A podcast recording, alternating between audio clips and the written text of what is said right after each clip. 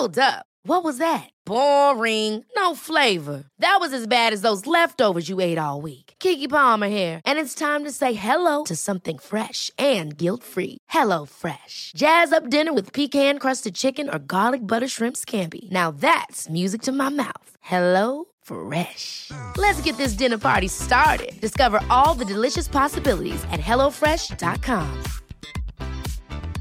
There's never been a faster or easier way to start your weight loss journey than with PlushCare. PlushCare accepts most insurance plans and gives you online access to board-certified physicians who can prescribe FDA-approved weight loss medications like Wigovi and Zepbound for those who qualify. Take charge of your health and speak with a board-certified physician about a weight loss plan that's right for you. Get started today at plushcare.com slash weight loss. That's plushcare.com slash weight loss. plushcare.com slash weight loss. Quality sleep is essential. That's why the Sleep Number Smart Bed is designed for your ever evolving sleep needs. Need a bed that's firmer or softer on either side? Helps you sleep at a comfortable temperature? Sleep Number Smart Beds let you individualize your comfort so you sleep better together. JD Power ranks Sleep Number number 1 in customer satisfaction with mattresses purchased in-store. And now, save 50% on the Sleep Number limited edition Smart Bed for a limited time. For JD Power 2023 award information, visit jdpower.com/awards. Only at a Sleep Number store or sleepnumber.com. I can discuss some of the psychological aspects of the case. You've got to get a hold of yourself. Now look here, Johnson, I'm going to get to the bottom of this. I can discuss some of the psychological aspects of the case. And you're really crazy, you know that? Oh, yes, I remember that. Is this any concern of yours? Stop, stop, stop it now, I mean it. Ja, hei, det er psykolog Sondre Livre her. Diagnosen er dessverre svært alvorlig. Det viser seg at alt du tenker og føler er feil. Du må for all del ikke stole på hjernen din, den lyver. Alt du opplever er filtrert via nevroser fra ubevisste avkroker. Hvis du følger nøye med, er det en liten mulighet for at jeg kan hjelpe deg. I discuss some of the I discuss some of the I discuss some of the psychological aspects of the case. Well, I'm just losing my mind, that's all. Du må ikke tro på hjernen din. Den lyver. Vi er jo mennesker fulle av nevroser. Det er det som gjør oss til sjarmerende idioter. Det er en eh, klisjé, men jeg tror på dialogen. I mange år har jeg diskutert eh, så fillene fyker uten tilstrekkelig innsikt i den andres perspektiver og uten tålmodighet til å høre den andre ut. Særlig har jeg krangla om livets store spørsmål, nemlig hva skjer når vi dør, hva er meningen med livet, hva er grunnlaget for å si at noe er godt eller ondt, har vi en fri vilje, eller er det en illusjon? Er vi egentlig styrt av et konglomerat av faktorer uten å være klar over det, eller har vi en eller annen eh, iboende kjerne eller metafysisk kvalitet, kall det gjerne en sjel, som forklarer våre særegne opplevelser av eh, noe som er mer enn summen av delene? Jeg er fortsatt eh, interessert i denne typen spørsmål, og jeg elsker å diskutere dem med folk som tenker litt annerledes enn meg selv. Denne gangen er jeg sammen med en livsveileder fra Human-Etisk Forbund, en prest i Domkirken i Kristiansand og en forfatter som har levd et liv mellom tro og tvil. Jeg tror at eh, jeg er litt mer tålmodig enn jeg var for eh, fem eller ti år siden, men tematikken interesserer meg såpass mye at engasjementet bruser også i dagens episode. Jeg har jo skrevet eh, en egen bok om min egen prosess fra bombastisk ateist til en litt mer vennligstemt og interessert agnostiker. På slutten av boka, som ble hetende Psykologens journal, skrev jeg følgende som en slags evaluering av meg selv. Jeg ser tilbake på dette prosjektet med et snev av skam. Jeg har krangla med kristne på et nivå som bare førte oss rundt i en sirkel. I ettertid virket det litt overfladisk, men jeg angrer ikke. Det er noe av det mest spennende jeg har gjort, og det fungerte som en terapeutisk prosess for min egen del. Min uro begynner å gå over i aksept. Det var nødvendig å tumle rundt på overflaten for å finne en åpning til noe som stikker dypere. Før var jeg tiltrukket av de store spørsmålene i kraft av frykt. I dag er jeg tiltrukket av de samme spørsmålene med en glødende nysgjerrighet og skrekkblandet fryd. Det er en stor forskjell. Jeg er blitt overbevist om at det er viktig å tenke på ting som er vanskelig, selv om det kan være ubehagelig, og jeg tror denne typen tenkning fungerer best i en dialogisk prosess. Jeg er takknemlig for hver eneste diskusjon jeg har hatt om tro og tvil. I studietiden var jeg opptatt av drømmer, men så forsvant den interessen på grunn av livet, tror jeg. Gjennom denne prosessen har jeg imidlertid gjenoppdaget drømmen som et viktig verktøy. Drømmen kaster lys over de dunkle delene av vårt indre landskap hvor fornuften ikke når frem. Drøm, historier og mytologi formidler aspekter ved livet som ikke lar seg fange i en materialistisk, vitenskapelig eller rasjonell analyse. Personlig er jeg nå ferdig med ateisme versus troen på Gud. Jeg er medlem av statskirken, men jeg har ofte tenkt at jeg skal melde meg ut. Det har jeg imidlertid slått fra meg. Det er mange ting jeg er uenig i, og det er mange ting ved gudstjenester og religiøse seremonier som gjør meg betenkt, men jeg vil fortsette å bevege meg i religiøse miljøer. Jeg har bestemt meg for å begynne på nytt, lytte på et annet nivå, og det gleder jeg meg til. I dag skal jeg enda en gang få anledning til å tenke på ting som er vanskelig sammen med kloke mennesker fra ulike livsorienteringer. Vi hadde følgende spørsmål på kveldens agenda. Hva vil det si å tro, rent sånn psykologisk sett? Hva er forskjellen på tro og livssyn? Hvordan mister eller skifter noen tro eller livssyn? Kan tro eller livssyn bli noe destruktivt? Dekker troen eller livssynet et trygghetsbehov? Det var rimelig godt oppmøte denne kvelden, et interessert publikum og en hyggelig gjeng på scenen, og i dag skal du få være med til samtalen som gikk av stabelen 20. oktober 2021 på Cinemateket, tidligere, et tidligere teater i sentrum av Kristiansand. Og da er du velkommen til en litt dypere og mer personlig episode av Sinnssyn. Oh, I'm just losing my mind, that's all.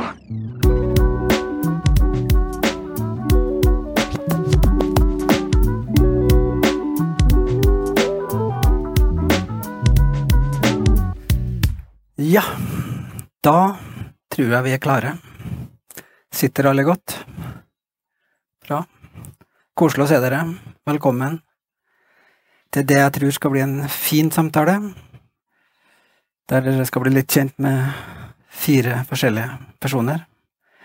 Det skal handle om tro, og det skal handle om livssyn. Tro og livssyn, tro eller livssyn. Hva er likt, hva er forskjellig, hva mener vi? Hva tenker vi på når vi snakker om tro og livssyn? Og det er litt spennende, syns jeg. Jeg har tatt litt initiativ til den samtalen her, for jeg har vært veldig opptatt av den, eh, hva trua betyr for meg, og livssynet mitt betyr for meg. Så har vi fått en sånn veldig fin blanding av eh, grupper, organisasjoner og folk som står sammen om en sånn samtale. Domkirka sitter der. Human-Etisk Forbund sitter der. Psykologen sitter der. Eh, jeg syns det er så flott at vi kan snakke på tvers av ståsted og, og, hva vi tenker og mener. Jeg tror det er viktig i vår tid, veldig viktig. Så jeg er glad for at dere har stilt opp og sagt ja til å være med. Spennende at vi kan samarbeide på tvers av hvordan vi tenker om uh, tro og livssyn, da. Jeg skal si bitte litt om hvordan vi tenker tidsbruket. Vi skal snakke sammen ca. til kvart over åtte, vi nå. Hvis ikke vi blir lei av hverandre, eller det blir kjedelig før det. Det tror jeg ikke. Så tar vi en liten pause kvart over åtte, og så er det mulig å sende noen spørsmål på mobil, eller skrive noen spørsmål på lappa her framme hvis dere har lyst til å spørre oss om ting. Vi vil veldig gjerne ha spørsmål. Og da tar vi en spørsmålsrunde fra halv ni til, til, til ni, da. Så skal vi være ferdig klokka ni. Så dere vet litt timinga her. ja. Mitt navn er Erlend Våde. Eh, jeg har som sagt tatt litt initiativ til samtalen. Eh, og skal både prøve å delta og lede samtalen, og passe på litt at alle får sagt det de ønsker å si. Og så skal jeg prøve å bidra, eller delta litt sjøl samtidig. Jeg håper det kan gå bra. Eh, så jeg kommer til å ikke bare stille spørsmål, men jeg kommer til å mene noen ting sjøl òg. Fordi et tema er viktig for meg òg, da. Ja. Presentere oss bitte litt først. Jeg skal presentere deg faktisk dere først. Dere skal bli mer kjent med dem etter hvert. Som sagt, jeg heter Erlend Våde. Eh, lærer i en ungdomsskole her i Kristiansand. Jobber med norskopplæring for eh, innvandrerungdom. Og har vært eh, konfirmantlærer, kateket, i 30 år i Den norske kirke. I mitt tidligere liv, sier jeg. Det er en stund siden nå. Uh, ja, det er kort meg, da. Dagfinn Ullestad, livsveileder for Human-Etisk Forbund. Eh, har vært leder i Human-Etisk Forbund i Agder. Mm. Irene Iselin Jørgensen, prest i Domkirken. Eh, Tre-fire år. Mm. Sondre Risholm Liverød, psykolog. Jobber på distriktspsykiatrisk senter på Solvang, rett oppå Grim her. Og har en podkast, anbefaler den veldig, som heter Sinnssyn, der han har massevis av forskjellig spennende stoff om psykisk problematikk, eller hva vi skal kalle det. Filosofisk, psykologisk. Masse spennende. Ja. Vi skal snakke om tro. Vi har kalt samtalen Mon tro? Spørsmålstegn, spørsmålstegn. Um, og det som er litt vanskelig med det temaet, det er jo at vi tenker så veldig forskjellig, tror jeg, og mener så veldig forskjellig når vi snakker og bruker ordet tro. Jeg tror det blir fint vær i morgen. Betyr noe annet enn at jeg tror på Gud, eller at jeg tror på deg. Og noen kaller seg ikke-troende, og noen kaller seg troende. Og noen sier at de har et livssyn, men absolutt ikke ei tro. Og noen syns tro er noe veldig privat og personlig som ikke andre skal bry seg så mye. Så det er et veldig stort begrep. Så jeg tenkte vi skulle starte med at hver enkelt av oss fire sier litt hva vi egentlig tenker på, vi da. Hva vi mener med, med når vi snakker om tro. Eller livssyn. Så kan vi definere det. Og jeg som er leder samtalen, har fått lov til å starte og skal si helt kort jeg, hvordan jeg definerer tro. For meg handler tro om de verdiene og de idealene jeg bygger livet mitt på, og som jeg så godt jeg kan prøve å virkeliggjøre i livet mitt. Verdier og idealer. Noe jeg ikke kan bevise, men som jeg tror på, som noe verdifullt og viktig, som jeg prøver å leve ut og leve da. Den handler ikke så mye om hvem, hvem eller hva jeg tror på finnes. Trua mi, tror jeg. Jeg sammenligner av og til med hun jeg er gift med, og at jeg har lovt hun troskap gjennom livet. Det handler om troskap, tillit, respekt, ærlighet, sannhet, og ikke om jeg tror hun finnes eller ikke. Det vet jeg. Så, så det er et eller annet der med Det er ikke noe som finnes eller ikke, men det er verdier, idealer, som jeg prøver å virkeliggjøre i mitt liv. Det er det jeg tror på, det som som, som, jeg prøver å omsette i handling. Det, det er sånn jeg tenker om tro. Da.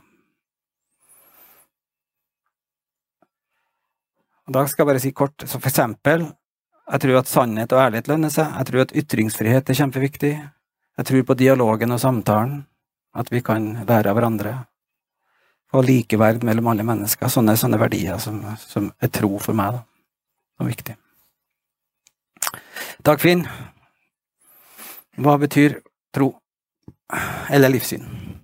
Du velger. Ja, jeg Jeg syns du, du, begynner veldig bra, da. Jeg liker takk. godt det du sier om, eh, om, tro, og nyanserer det. Og jeg tenker på eh, Som livsveileder så er utgangspunktet et ord som jeg bruker veldig mye. Det er å utforske. Så jeg tenker at uh, også her, kanskje i forhold til et begrep, da, særlig som som, eh, både er kjent og, og som er mangefasettert og går i ulike retninger, så tenker jeg at det Har man noe å utforske, så, så, er på en måte det typisk et sånn ord vi kan snakke om. Hva, hva er det? Hva har det vært for meg? Og hva, hva Hvilke betydninger har jeg lagt inn i det? Har det endret seg? Og, og hva Kanskje jeg sitter ved siden av en som jeg tenker eh, hva, kunne tenke meg å spørre hva, hva legger du i det? Liksom dette, denne utforskingen av hva er dette? Og at det ikke er gitt, og at kanskje et formål på en måte er å, er å prøve å åpne det som på en måte fremstår kanskje som begrenset, eller hvis vi opplever noe som begrenset eller begrensende, så kan vi tenke at vi Hvordan klarer vi å åpne dette? Slik at det blir noe som eh, flere kan legge, legge noe av seg sjøl og sine eh, tanker og, og, formål i, da. Så, så, det er måte, kanskje sånn typisk som jeg vil svare på en måte, ja, det er livsveiledning. Det er, det er sånn vi skal snakke om, om eh, det som betyr noe for oss, og vår historie, det som har Ja. Så jeg tror jeg Ja, da stopper jeg det der. Iselin? Um, tro. Jeg syns jo det er vanskelig å si noe Jeg er jo ikke religionssosiolog eller noe sånt, sånn at jeg, jeg sier jo noe om hva troen er for meg, da. Mm. Ja, altså i, i, mitt liv, og da um, har troen uh, Handler troen veldig mye om sammenheng, tror jeg. Hvilken sammenheng jeg står i. Um, uh, det kristne fellesskapet er veldig viktig for min, uh, min tro. kanskje Kanskje enda mer enn dogmene. Så vi er jo litt sånn forskjellige på det. At noen, noen er veldig opptatt av akkurat trossannhetene og de setningene, at man skal tro akkurat riktig sånn og sånn. Det er, kan jeg er også selvfølgelig opptatt av som, som, som prest. Um, men jeg er også veldig opptatt av at tilliten Altså, vi bærer barna frem til, til dåp. Bærer de inn i fellesskapet bare i tillit til noe større. I en i tillit og en tro på at uh, Gud er der til stede. Um, og um, ja en, Altså, det er vel et, et, håp, en tillit om, om et gudsnærvær. Mm. For troen er knytta til, til, en gud, selvfølgelig, for meg, da. Mm. Men jeg tenker også at troen hele tida er i bevegelse. Og det syns jeg ikke er noe skummelt. Vi, vi, vi, skal vel sikkert snakke mer om det seinere også, men altså eh, heil, hver, hver, eneste gang jeg møter et menneske, eh, hver eneste dag, så, så, så, åpnes min horisont hele tida. Sånn at, mm. Eh, sånn at eh, Og det syns jeg er kjempespennende.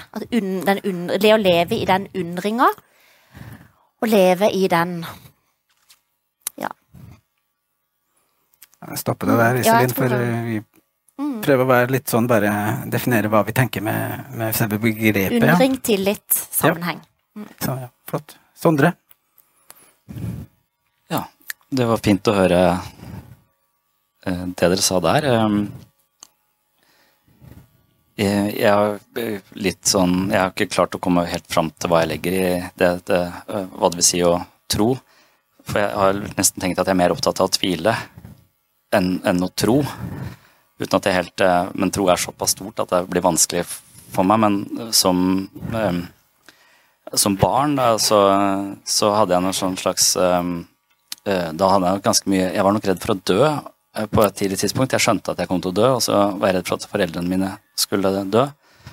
Jeg hadde ikke noen grunn til å tro at de skulle dø. Alt var egentlig veldig fint, men, men jeg gikk på de hvite feltene i fotgjengeroverganger for å unngå at moren min skulle dø og trodde det var en, eh, eller der trodde jeg det var en sammenheng. Eh, men etter hvert som jeg vokste opp, så skjønte jeg at mine magiske ritualer ikke påvirket virkeligheten i noe særlig grad. Da. Så mm, heldigvis så For det kunne jeg jo fortsatt med, og da hadde vi kalt det OCD. Og så hadde jeg gått i en type behandling på mitt eget DPS for det. Eh, men så, så, har jeg nok etter hvert som jeg også har studert psykologi, vært veldig opptatt av hvordan, hvordan vi mennesker hva slags behov vi har, hvordan vi motiveres, hva som ligger til grunn for alt vi tenker, føler og handler på, så har jeg nok hele tiden oppdaget at, eh, at det jeg trodde jeg visste, det visste jeg ikke likevel. Så jeg måtte hele tiden revurdere og revurdere og revurdere. Så jeg har vel etter hvert uh, skjønt at alt jeg opplever, filtreres jo via alle mine nevroser og alle mine tidligere erfaringer osv. Så, videre. så jeg kan uh, ikke så, så, mitt mantra er jo at alt jeg tenker og føler er feil. Og, og, og, bakgrunnen for å tenke at alt jeg tenker og føler er feil, er jo uh, fordi at jeg, jeg nettopp har fortolket det. Og, og, fortolkningsapparatet mitt er skrudd sammen av en hel haug av faktorer jeg ikke selv er klar over. Derfor så kan jeg ikke være skråsikker. Uh, og dermed så vil enhver form for skråsikkerhet uh, stresse meg. og selv om jeg ofte når, hvis jeg blir veldig emosjonelt påvirka osv., så, videre, så kan jeg være skråsikker på at jeg har rett i en diskusjon, eh, og da er jeg på et dårlig sted, eh, mm. Eh, tenker jeg. Så, så, for meg så er det viktig å tvile på alt, og jeg syns etter hvert at det er jeg syns alle sånne åndelige spill som har svar, de synes jeg, da er det jo ferdig. Da Da er det ikke noe mer å utforske. Så jeg er også veldig opptatt av å stadig ha noe For meg så er det helt greit at jeg aldri får et svar, men at jeg hele tiden kan se på denne saken fra ulike perspektiver, fra, fra ulike innfallsvinkler, og utvide horisonten min, som du nevnte, det syns jeg er eh, vanvittig eh, verdifullt, og det er det jeg legger i en form for åndelighet. Da. Eh, og kanskje det er det jeg ville si at det er min tro. Din tro, ja. Mm, ja. Stopp deg der igjen. Du skal fortelle mer, fortelle mer om hva du For nå skal vi tenke deg vi skal gå litt inn på vår egen det som noen kaller troshistorie, da, eller livsfortelling i forhold til, til tro. Eh, hvordan har vi skifta, hvordan har vi utvikla oss, hvordan har vi endra oss, hvordan har livet vært i forhold til hvordan vi tror, og hvordan vi ikke tror. Og, og vi har litt forskjellige fortellinger om det, vi som sitter her. Og jeg utfordrer dere litt på det. Jeg utfordrer meg sjøl litt på det òg. Siden jeg leder samtalen, så skal jeg begynne med meg sjøl på det òg og fortelle litt, bitte litt om min historie da, i forhold til tro. Og så skal dere få bli litt mer kjent med oss alle sammen. Og livene våre. Ja. Jeg vokste opp i Trondheim da jeg var liten gutt, i Stjørdal, som vi sier, Stjørdal, når jeg var ungdom. Det var Da var de kristne veldig rare, de som trodde på Gud og Jesus og sånt. De trodde de var Vi, eller jeg trodde, og vennene mine òg, at de kristne var noen som syntes de var så mye bedre enn oss. De kunne ikke være med på våre ting. Vi gikk på fest og drakk øl og dansa, og de kunne ikke være med på våre ting. Og dessuten så syns jeg de kristne var på fienden sitt lag. De var snille, de samarbeida med de voksne som jeg var i opposisjon til. Så det var jo feil. Vi skulle være i opprør. Jeg var jo 68 og litt sånn den tida der. Lenge siden. Eh, samtidig så var jeg en gutt med liten selvtillit. Forsiktig, beskjeden. Liten tro på meg sjøl. Drakk meg til litt mot og prøvde å snakke litt med damene, jentene og sånne ting. Eh, så havna jeg et, Jeg slapp militæret pga. ryggen, og så havna jeg på en kristen folkehøgskole og skal gjøre det veldig kort. Vi har fått fem minutter her, så jeg skal passe på tida, men eh, vi holdt på å frøyse i hjel, jeg og to andre venner, i fjellet. 20 minusgrader. Vi satt fast i ei fjellhylle på Lifjell. Eh, og de ba til Gud, og holdt på, vi holdt på å sovne og, og, og dø, tror jeg. Men så klarte vi likevel å komme oss opp og fant en sånn fjellsprekk og et grantre med visna, så vi åla oss ned et, et, bratt fjell og kom oss ned til veien og ble plukka på noen andre ungdommer som kom fra fest sent på natta. Og da, jeg husker ennå den opplevelsen jeg hadde når jeg sto på veien der, at Gud fantes. Det var Gud som hjalp meg. Altså, jeg hadde betydning. Han ville at jeg skulle leve et eller annet sånn veldig sterk opplevelse av at det var noe større som passa på oss og hjalp oss. Siden de ba, tror jeg. For da ba de De så ingen andre utveier enn at det var noen guddommelige som måtte hjelpe oss ut av den situasjonen. Ellers så døde vi. Og så var det forkynnelse på folkehøgskolen om eh, kristen fellesskap og nærhet og tilgivelse og alt mulig fint, som trigga meg òg, da, og som jeg lengta etter. Så jeg bestemte for å bli en kristen, da. Og jeg husker enda jeg gikk med Nytestamentet i hånda rundt folkehøgskolen der alene og tenkte at nå holdt jeg Jesus i hånda. Eh, og siden så begynte jeg å studere kristendom, ble og tok utdanning med tanke på konfirmantlærer og kateketjobb i kirka. Da. Jeg har jobba som kateket i 30 år i kirka med konfirmantundervisning og undervisning av barn og voksne, mye forskjellig. I Trøndelag og her i Kristiansand. Sogndalen, gamle Sogndalen. Uh, så fikk jeg mye psykiske problemer. Det, den der beskjedenheten, den forsiktigheten, den der eh, usikkerheten på meg sjøl forfulgte meg gjennom hele livet, tror jeg. Jeg ble mer og mer sliten og mer og mer psykisk ned, nedfor. Og etter hvert så måtte jeg slutte jobben. Jeg mis, eh, ja, følte det som et vanvittig nederlag og, og veldig tøft. Og følte at livet krasja helt da. Sånn 15 år siden. Og i den forbindelse så mista jeg trua på Gud òg. At Gud kunne fikse noen ting i livet mitt, at Gud kunne gripe inn i mitt liv. liksom. Det virka helt crazy. Var, jeg syntes det var så mye urettferdig og vondt og trist som ramma meg. At han kunne hjelpe noen og ikke andre. Jeg syns det ble en sånn Jeg kunne ikke Stemte ikke. Så ble jeg mer og mer sjuk psykisk, og da veldig, jeg ble veldig, veldig dårlig. Helt til jeg nådde en slags bunn, tror jeg. At så har jeg hatt en sånn siste seks, sju, åtte årene har jeg hatt en sånn gradvis tilfriskning, så nå føler jeg meg veldig stabil og veldig bra psykisk. Men i, i forbindelse med at livet krasja og alt ble Jeg ble veldig syk, og alt ble Ingenting stemte, liksom, så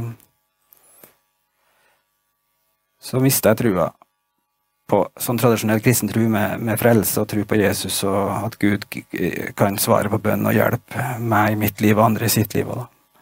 Så det er min eh, Men det også, som har vært fint for meg, det er at det har vært egentlig frigjørende å slippe en del av de fasitsvarene, de dogmene som såkalt tradisjonell protestantisk kristendom, som jeg forsvarte og snakka om konfirmantene med, om å tenke fritt, da, tenke åpent, og finne ut hva er det egentlig som er meg, hva egentlig jeg tror på, hva er egentlig jeg vil bygge livet mitt på. Jeg fant ut at det var mye viktigere for meg det livet som var her og nå, da.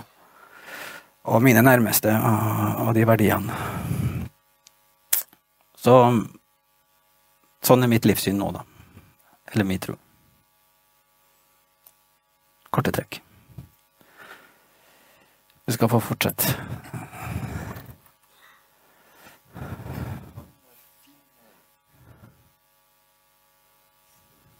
En fin fortelling du ga, om, i betydning eh, berørende. Ja, jeg, jeg har jo eh, eh skrevet en, en eh, måte, offentlig trosfortelling gjennom en bok. Ja, som er en trosfortelling. Som fra, den heter jo 'Fra kristen og prest til sekulær humanist'. Så det forteller jo på en måte om en, om en reise som, eh, som, jeg har hatt. da. Og jeg skrev den boken egentlig gjennom eh, Jeg jobbet hardt med den egentlig gjennom flere år. Fordi at jeg hadde masse refleksjoner på en måte liggende i ulike bøker. da. Og eh, ja. Så endte det med at jeg gikk ut av min jobb. Jeg var da, jeg var da tilsatt i Kirkens Bymisjon som fengselsprest. Eh, sånn delt jobb. Eh, prest på fengselet og, og eh, ettervern for løslatte. Så, så jeg ble på en måte litt borte, tror jeg. tenker jeg, Sånn må det ha vært. Liksom, jeg, jeg, var prest på Særlig på Bymisjonen, hvor, hvor det var stabil menighet, på en måte, eller tilhøre, som, hvor jeg hadde gudstjenester og prekener og nattvær og, og sånt.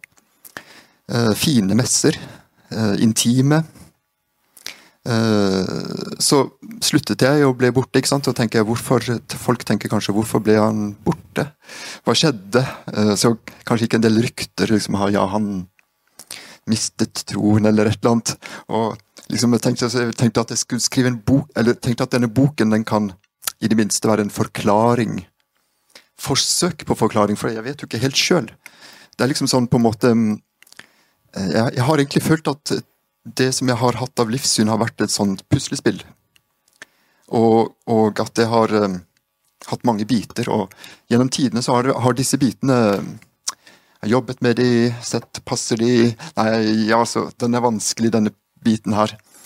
Ja, og kanskje legge bort til og med, og, og, dette orker jeg ikke, denne biten her, den får jeg aldri til å passe, ja, og så. Og til slutt så, så følte jeg på en måte at jeg, jeg orker ikke holde dette puslespillet sammen. Jeg på en måte tar bort denne bindingen rundt og lar bitene bare flyte ut. Ferdig. Eh, man kunne kanskje si at det var min kristne tro da, som jeg på en måte ga opp. Eh, ferdig, nå slipper, nå slipper jeg den. Jeg jobber hardt og lenge for å holde den sammen. Eh, så det var på en måte en slags eh, forklaring, forsøk på å forklare både for meg og for de som ønsker på hvor, hvordan, hvordan uh, skjer det at man gir opp en, et livssyn. Og så Jeg har la klokka frem, vet du, men jeg glemte å se på den. Du får jeg skal passe på. men også tenke at Også for å gi, være med på å bidra med referanser, da. For at det jeg har på en måte jobbet med og lest, og, og sånn, tenkte ja, det er på en måte Vi lever i vår tid. Vi lever i, en, vi lever i, en, i vår tidsepoke, på en måte. Og vår tidsepoke på en måte, er vi felles om. Vi deltar i den. Vi, vi, vi mottar strømninger i tiden. helt fra det som har, har, strømmet gjennom filosofer og tenkere og, og, og, og eh, tankestrømmer gjennom tiden. Det, på en måte, det, det har tatt bolig i oss, på en måte, og vi tolker det på vår, vår ulike måte og forsøker å bruke det vi kan. Og Det tenker jeg at det, det, har også jeg gjort. Og Som teolog så har jeg jobbet, hatt tid til å jobbe mer med det enn en eh, det som har med, med, kristen tro å gjøre, enn en mange andre, kanskje. Men Det vet jeg jo ikke. Men iallfall har jeg jo hatt det som jobb og, og studie, studert det. Så jeg tenker at eh, ja, kanskje også som referanse. Det går an det går an å slippe alt dette, tenker jeg også, og kanskje prøve å forstå det. Hvordan, hvordan, hvordan det, det, blir. Jeg tenker at det, er, eh, det, med kristen tro og religiøs tro, det er, det er utrolig sammensatt. Eh, og det, det, kan handle om at man har et utrolig godt fellesskap. Man har en rytme, en årsrytme, en ukerytme. Uh, man, man, det er fint å sitte i et kirkerom. Utrolig flott å høre orgelet spille, salmene, musikken, poesien. Altså, hva er det egentlig som holder dette religiøse systemet i gang, på en måte? Det tenker jeg er forskjellig for hver en av oss. Vi har våre referanser da, og våre erfaringer.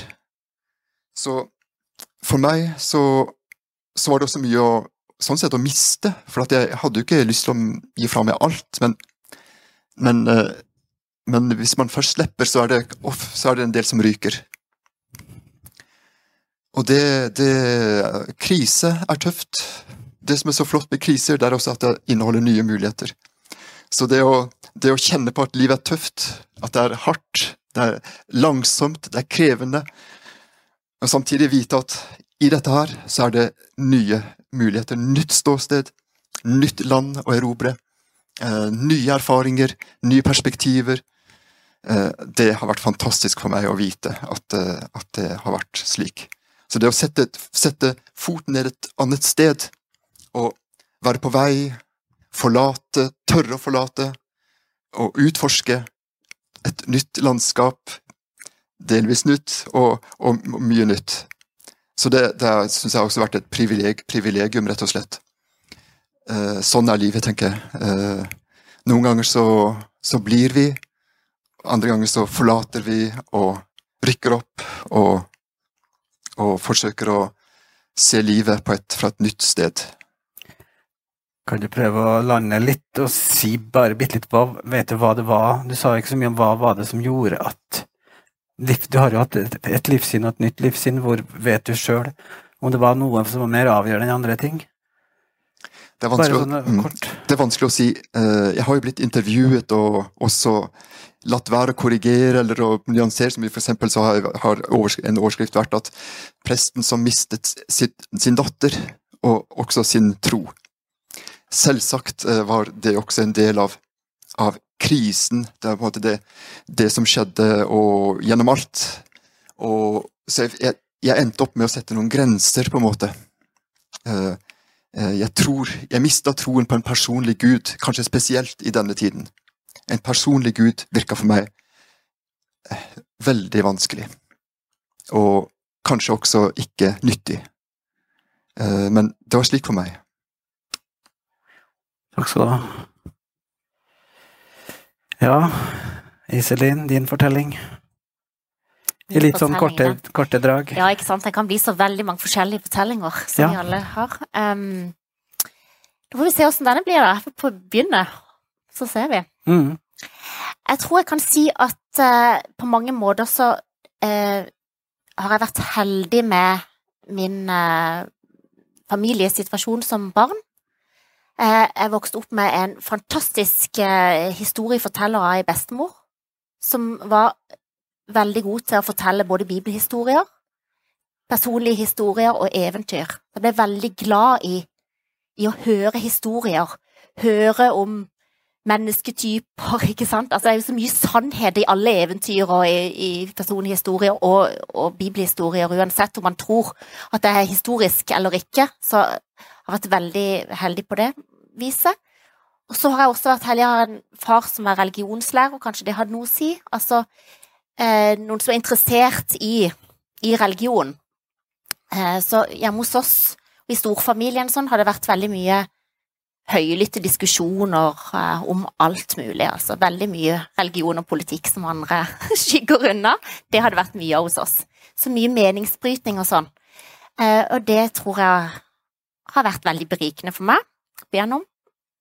Vokste opp i eh, en familie som var ganske sånn godt plassert i folkekirka, eller Den norske kirke. I, i ungdoms, ungdommen så ble jeg, vil si, nesten utsatt for en, en, karismatikk som var veldig usunn. Jesus Revolution kjenner dere kanskje til. Altså Stefan Kristiansen og følget. De kom her til byen når jeg gikk sånn i åttende klasse, var sånn 13-14 år. Eh, og opp, altså der var det vekkelser, og da var det eh, Man måtte ta standpunkt, og man eh, ja, måtte skrive under på hva man trodde på, og alt dette her. Og jeg merka at jeg ble veldig, veldig kritisk. Eh, jeg hadde noen, noen veldig eh, vonde opplevelser sjøl om maktovergrep, hvordan, hvordan eh, religionen ble brukt. Altså for en usikker 13-åring, og det å liksom høre at dette her, her er opplevelser Dette er djevelens verk, liksom. Det kan ødelegge ganske mye. Mm. Eh, men heldigvis så vil jeg si at den, de tingene jeg hadde med meg hjemmefra, det har gjort deg også godt da i, i den posisjonen at jeg har stilt spørsmål at det her kan ikke være hele sann, sannheten. Altså, bestemor fortalte noe annet enn dette.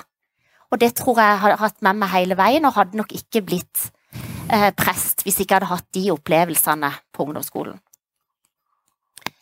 Eh, og så har jeg Jeg pleier jo ikke å være så god på å sitere bibelvers, men det er ett bibelvers som jeg er utrolig fornøyd med at noen har gitt meg.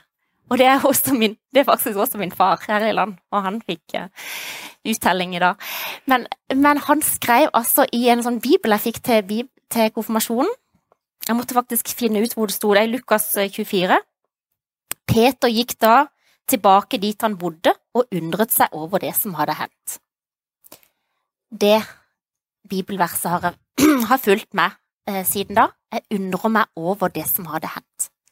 Og da er det liksom dette her altså, Det vi som kristne kanskje Det som kanskje er fellesnevneren, det er det håpet om at livet er sterkere enn døden til slutt. Og Peter gikk da hjem og undra seg over det han hadde og det, det, han hadde sett. Og det har jeg lyst til å leve i, undre meg i, i dette her. Kan det være sant? Har, tror vi på noe som er større enn oss sjøl? Tror vi ja, tror vi at livskreftene skal vinne til slutt? Og jeg, du sa, Dagfinn, at du mista troen på den personlige guden. Eh, for meg er det egentlig mot altså For meg er det sånn at den personlige inkarnasjonen, at Gud ble menneske, er noe som er det letteste jeg kan forholde meg til, egentlig. Uh, og jeg syns at den historien om skomageren av Tolstoy eh, som viser til Jesus sine egne ord, altså hvordan man møter Gud i den minste. Det har jeg hatt noen veldig sterke opplevelser av i mitt liv. Som, og da er det mye menneskemøter på gata, altså mennesker som, eh, som bor på gata, eh, har vært engasjert eh, i mange år i samtaler med mennesker som har vært sårbare, og der har jeg veldig, veldig ofte opplevd at her, i, i det menneskelivet der, der er det en gudbilledlighet som, som er mye større. Altså, jeg tror på en gud som alltid er i det laveste, og identifiserer seg med, eh, med de som ellers er utenfor. Mm, Og det kan godt være noe de har sagt, eller det kan være noe, noe som har vært så sterk i troa mi, at når jeg har spist sammen med folk liksom på elvebredden på Akers, rundt, langs Akerselva, så har jeg tenkt at eh, hjelp, dette her mennesket viser meg noe av den guddommen som jeg tror på, da. Mm. Så ble jeg prest til slutt. Ja. Heldigvis så hadde vi et studie som der det var lov å stille spørsmål, og eh, ja, var kritisk til noe av den bibellesemåten som jeg hadde blitt eksponert på for før, som gjorde at troen var lettere å, å godta. Det, Ja. Bibelen ble mye, mye større enn jeg trodde. Mm. Ja. Må stoppe deg litt. Jeg har Ja. lyst til å høre litt, Sondre, du har jo faktisk skrevet bok om eh, litt utforskende ting i forhold til folk som tror.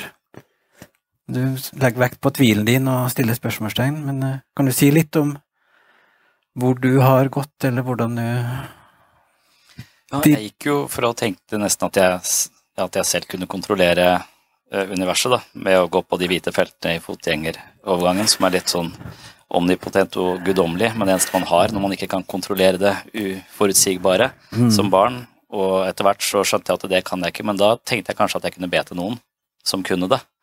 Så det var vel neste, neste skritt, at jeg, at jeg hadde en slags um, idé om en gud inni meg, men det var, jeg hadde ikke noe, noe språkspill for det i uh, omgivelsene mine. Det var ingen rundt meg som uh, var på noen måte religiøse eller, eller kristne, verken i familie. Hvis du spør dem, så har de kanskje sagt ja, men de har aldri, det har aldri vært noe som har hatt noen betydning, verken i nær familie eller blant venner.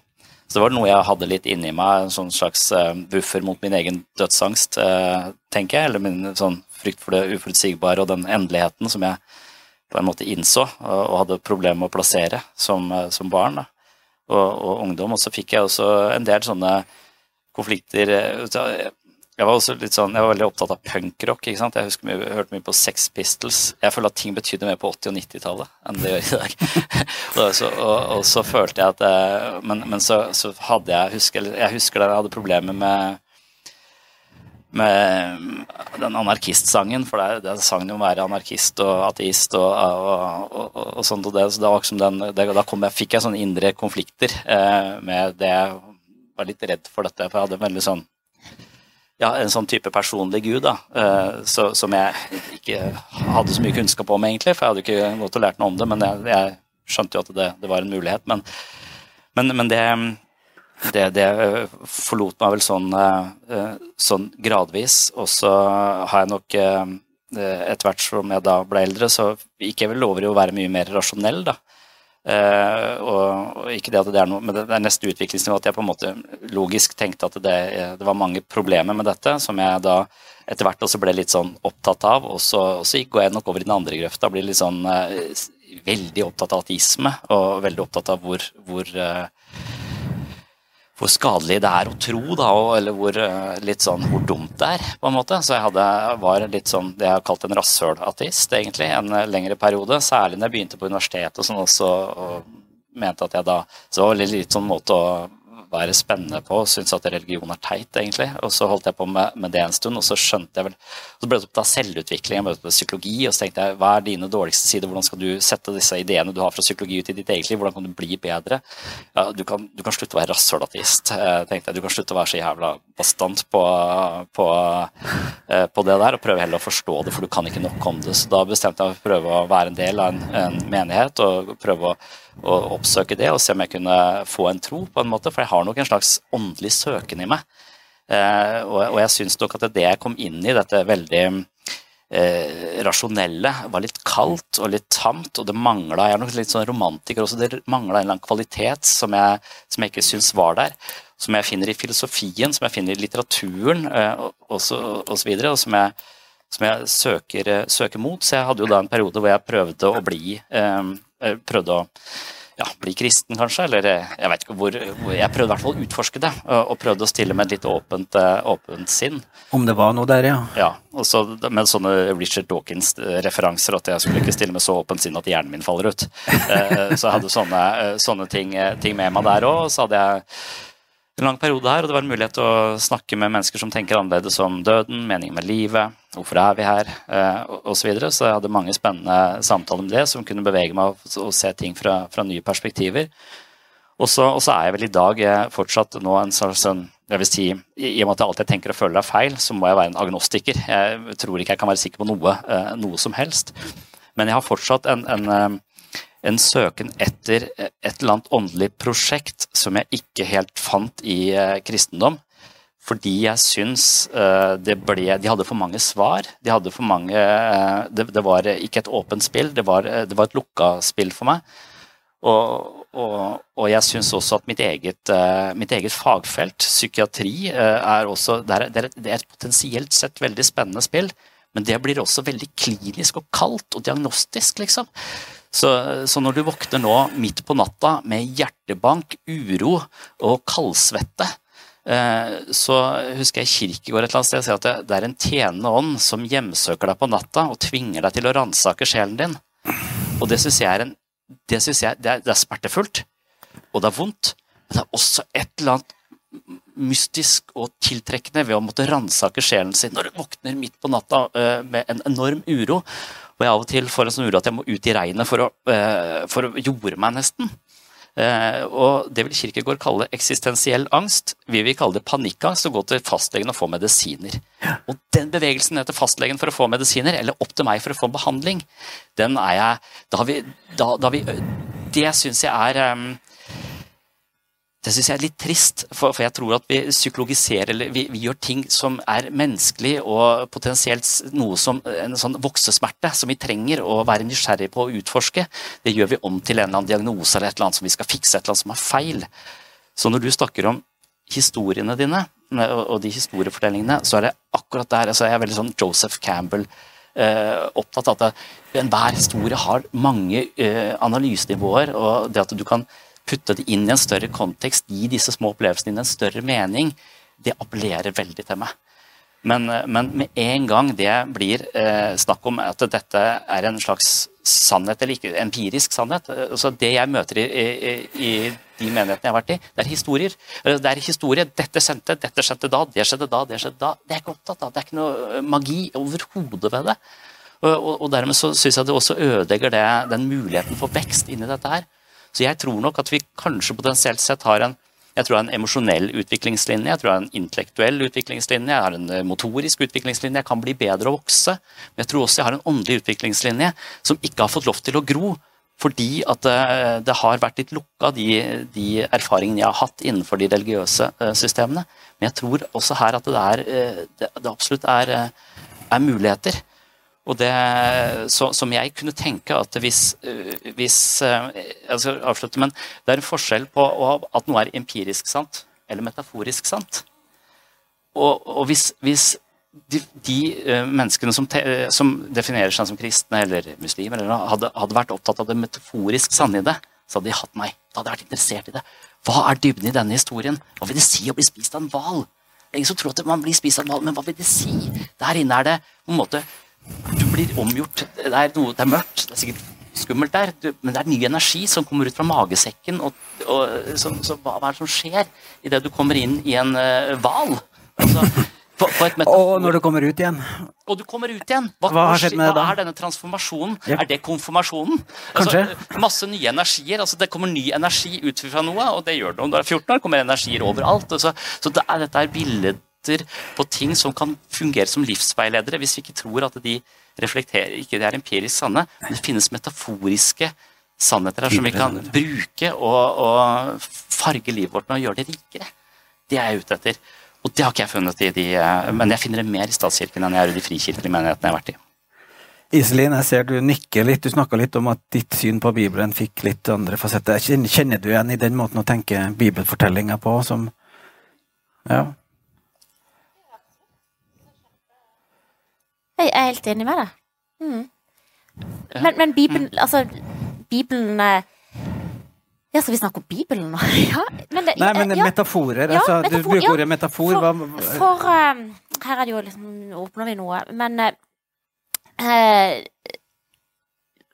Bibelen Altså, de historiene tilblivelsene av de historiene er jo veldig viktig å kjenne litt til, uh, rett og slett. Fordi at de, de menneskene som har fortalt disse historiene igjen og igjen, de har som regel Eller jeg, jeg, jeg kan aldri tenke meg at de har har sett for seg at dette her skulle være historiske sannheter sånn og sånn. For veldig veldig mange av de historiene er nettopp metaforiske sannheter. Mm. Det er historier, spesielt mange av de historiene fra Gamle testamentet, er jo helt klart historier om en tro. Det er en troshistorie. Mm. Eh, det, er ikke en, det er ikke en eh, faktisk historiebok. Altså all historiebok vet vi, all, all historie skrives jo av noen, ikke sant, og, og i en kontekst og sånn. Eh, så, så ingen, ingen, historiefortelling vil jo være Vil jo vise hele bildet. ikke ikke de historiebøkene som blir skrevet i dag heller. Men, men, men mange av de altså, skapelseshistoriene, for eksempel, er jo selvfølgelig metaforiske. Ja. Ja. Jonah er jo en fantastisk fortelling. Mm.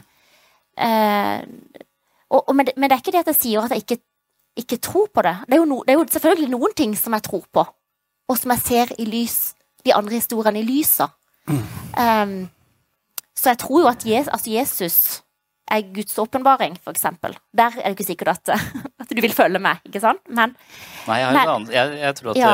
Jesus er et slags bilde på menneskets uh, ego, og når vi dreper en del av våre uh, mentale forestilling om at vi ikke er uh, like mye verdt som andre, eller et eller annet sånt, så dør vi litt. Men vi, vi, vi står, gjenoppstår som et nytt menneske etter en krise, f.eks.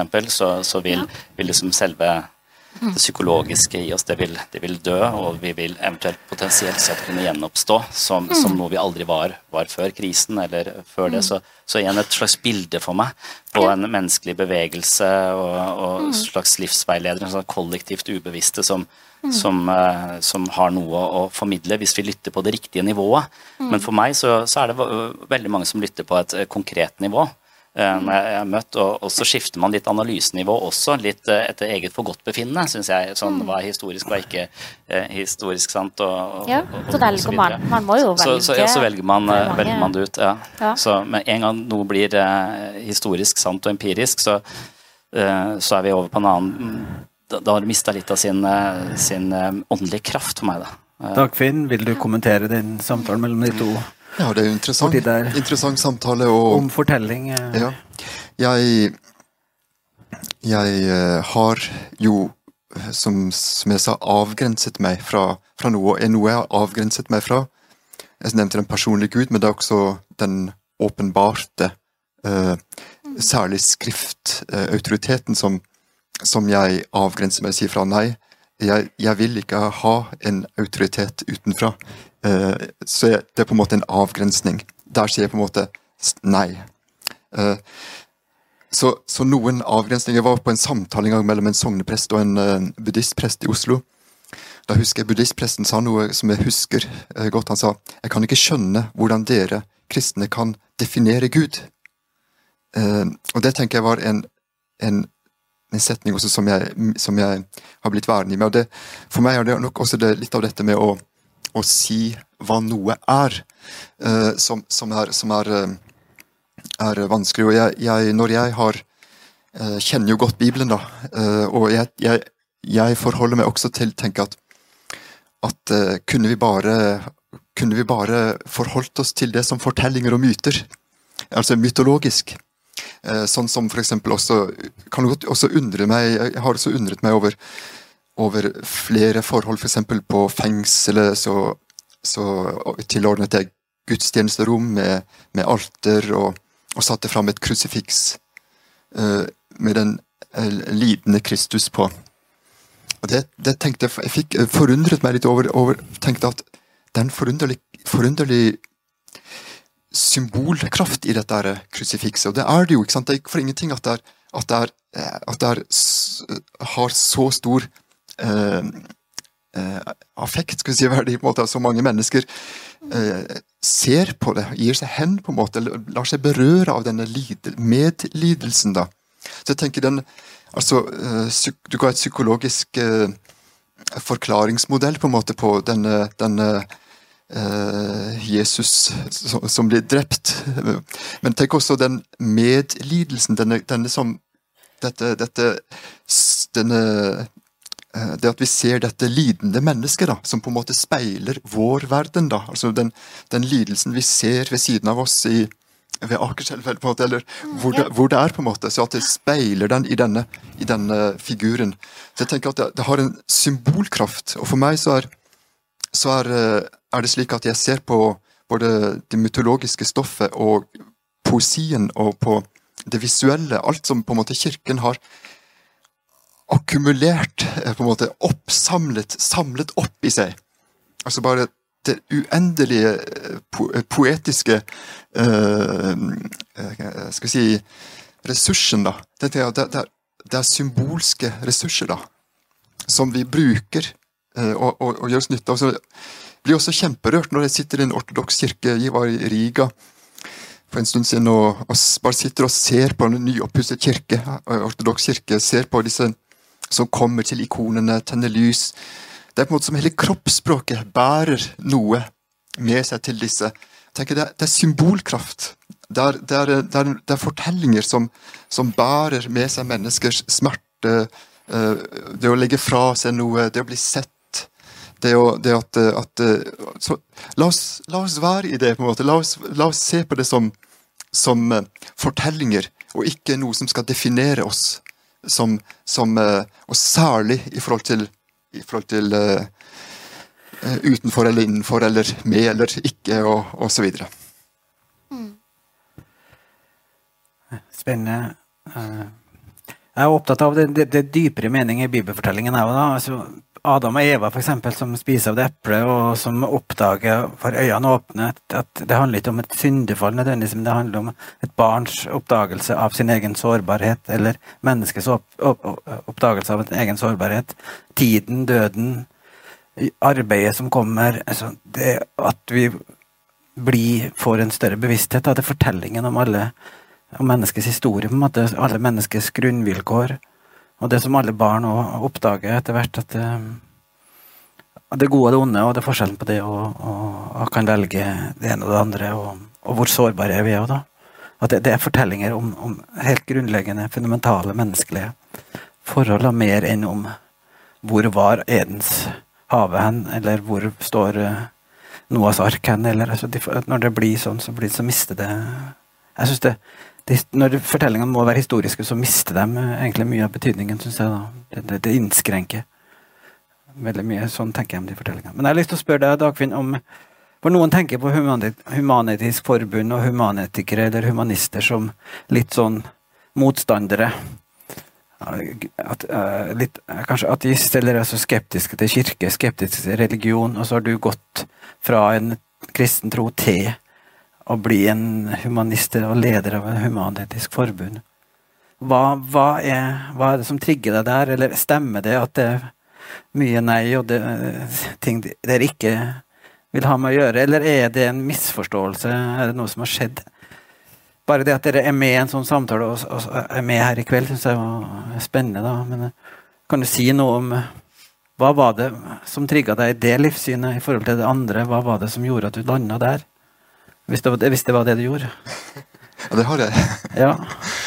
Eh, Det var en lang vei, for, for så vidt over mange år, eller flere år fra, fra jeg på en måte sa at jeg ikke kom tilbake som prest, til jeg meldte meg inn. Det var kanskje iallfall 20 år. Som, eh, som eh, en prosess hvor jeg på en måte sakte løsna bånd og meldte meg av det, og ja, til slutt til slutt meldte meg inn. Altså Det største skrittet var kanskje å melde seg ut av kirka. Det var, eh, eller kanskje enda mer å slutte å be. Det må jeg si, det var, det var, eh, det var et stort skritt.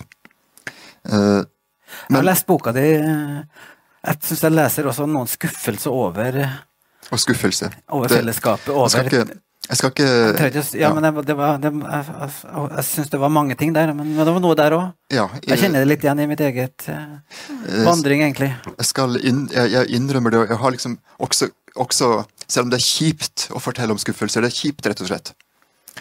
Men samtidig så har jeg tenkt at det hører med, for at vi er følelsesmennesker. Det, det, er, det er noe som eh, Når det rammer oss, og vi, det har med troverdighet å gjøre, det har med hva vi stoler på, vi tror på og håper på.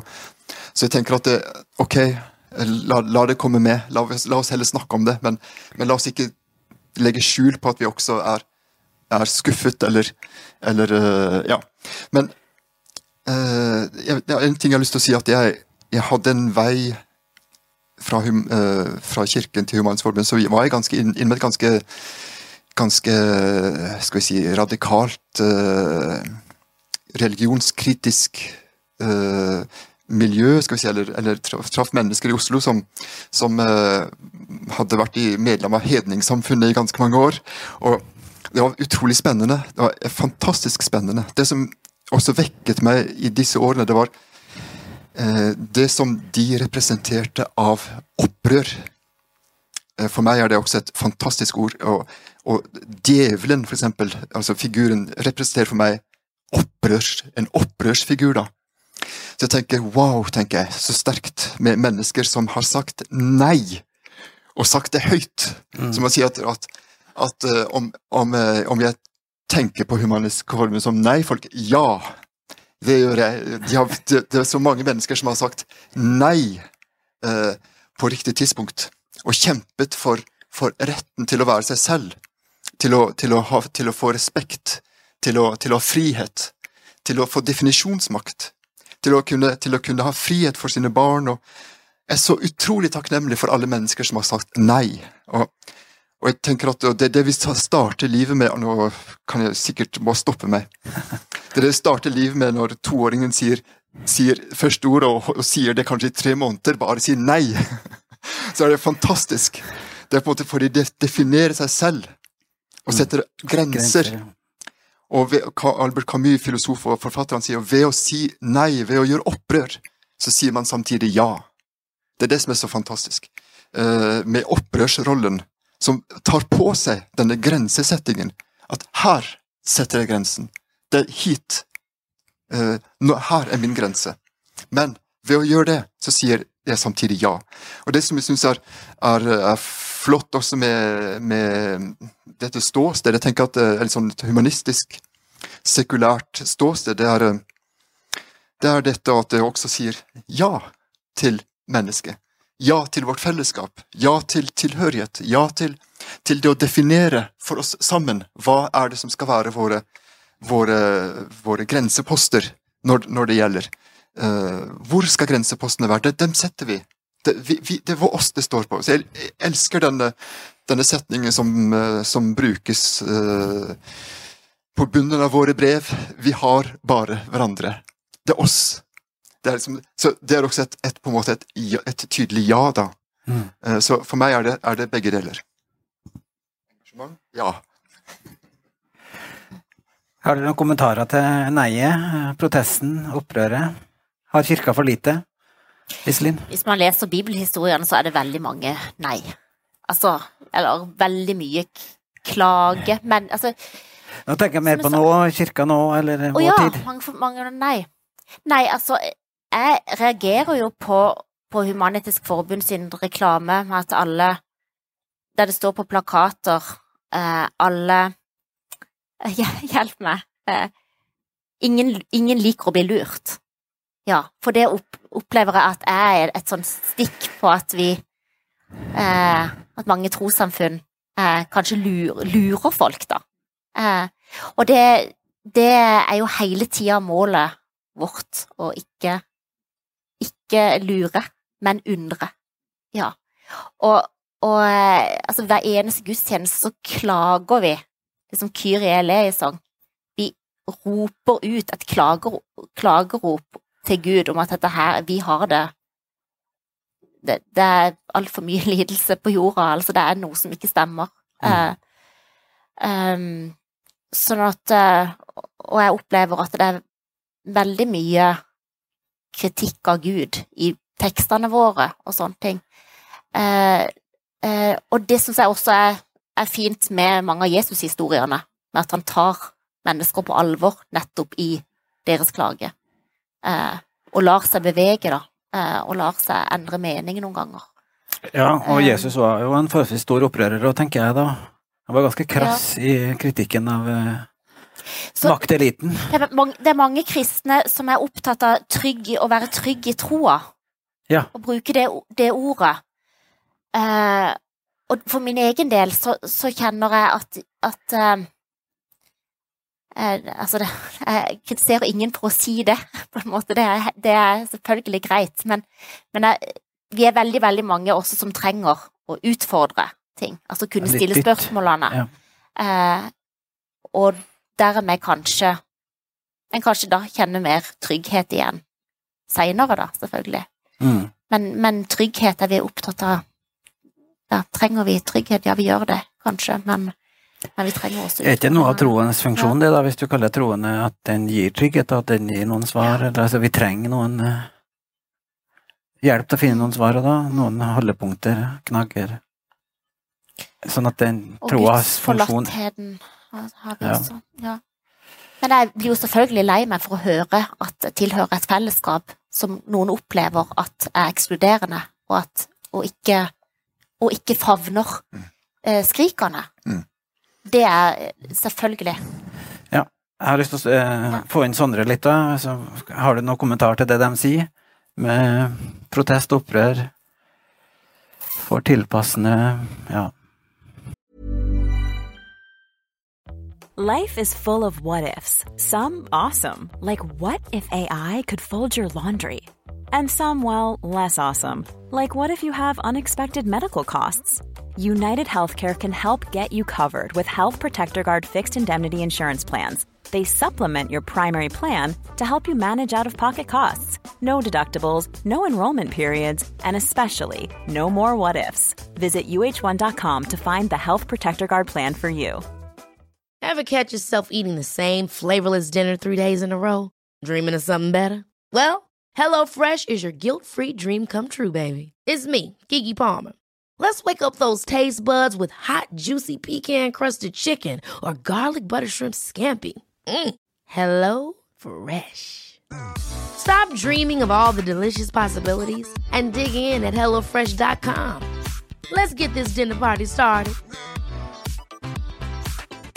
There's never been a faster or easier way to start your weight loss journey than with PlushCare PlushCare accepts most insurance plans and gives you online access to board-certified physicians who can prescribe FDA-approved weight loss medications like Wigovi and Zepbound for those who qualify. Take charge of your health and speak with a board-certified physician about a weight loss plan that's right for you. Get started today at plushcare.com slash weight loss. That's plushcare.com slash weight loss. plushcare.com slash weight loss.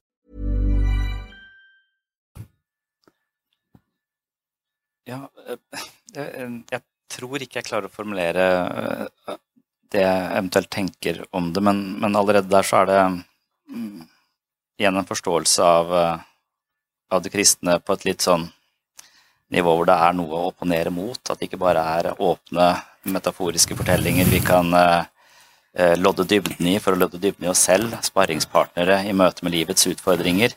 For det er noe å opponere mot der. Så så, etter hvert som man uh, jobber med psykologi lenge, så tror jeg at, at også at du nesten havner som en Buddhisme kommer nærmere deg. Kanskje ikke nødvendigvis buddhisme, men de østlige visdomstradisjonene, i og med at vi eh, hele tiden jobber med måten vi tenker på, alt som vi fortolker og formulerer. Det er jo menneskeskapte ting ut ifra våre snevre perspektiver full av tankefeller og full av ønsker og ubevisste krefter som styret alltid må måtte formidle av, av ting. Og det å hele tiden utforske det å finne flere, flere drivkrefter i hva som, hva som, beveger oss mennesker, det, det, det, det, gjør at du langsomt ser at dette egoet, som jeg definerer og tror jeg vet noe i, det er jo en slags mental konstruksjon.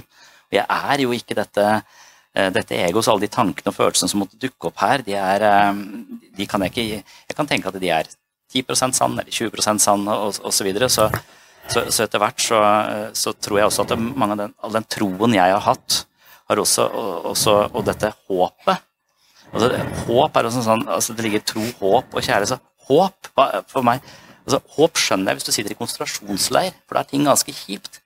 Men vi har jo veldig bra eh, nå, og det å hele tiden håpe på noe handler om fremtid. Så det å være til stede her og nå har nok vært ekstremt mye viktigere for meg i den, i den senere tid, fordi jeg har skjønt at jeg er så veldig mye framover mot noe som skal. Jeg skal bli ferdig med det, komme meg dit, komme meg dit, komme meg dit. Så, så, det å forankre meg i, i, øyeblikket og være til stede her, her, og nå, og ikke la alle disse galopperende tankene og bekymringene for døden eller uh, hva som skjedde der det, det, det, å, være her uh, til stede for barna mine, og ikke bare håpe, uh, glede meg til de har lagt seg, for da kan jeg slappe av. Altså være der uh, til, til, stede. Og så utenfor dette egoets jag. Men, men jeg, så, så, jeg opplever vel at den, den, opposisjonen den er en egoting, da. og så tenker jeg at men hvis vi klarer å hvile i at vi er bevisstheten om dette ego, ikke dette ego, for midt på natta så er vi bare bevissthet, ikke noe ego. Da sover vi, husker ingenting. Så denne, denne det er kanskje det du vil kalle sjel eller ånd eller et eller annet sånt noe. Den, eh, men, eh, men for, for, meg så blir den snakken om eh, opposisjon mot det religiøse og sånn, det, det, blir igjen en sånn Da er det som om det er en eller annen formynder der ute vi skal ha en opposisjonelt forhold til. Allerede da så, så er vi tilbake på en sånn type, type spirituell bane som jeg ikke får noe ut av. Som jeg har sagt, jeg klarte ikke å formulere det. Ja. Um, Dagfinn var du innom, du så ut som du ville si noe her i stad, men vet ikke om det Veldig konsentrert på Sondre.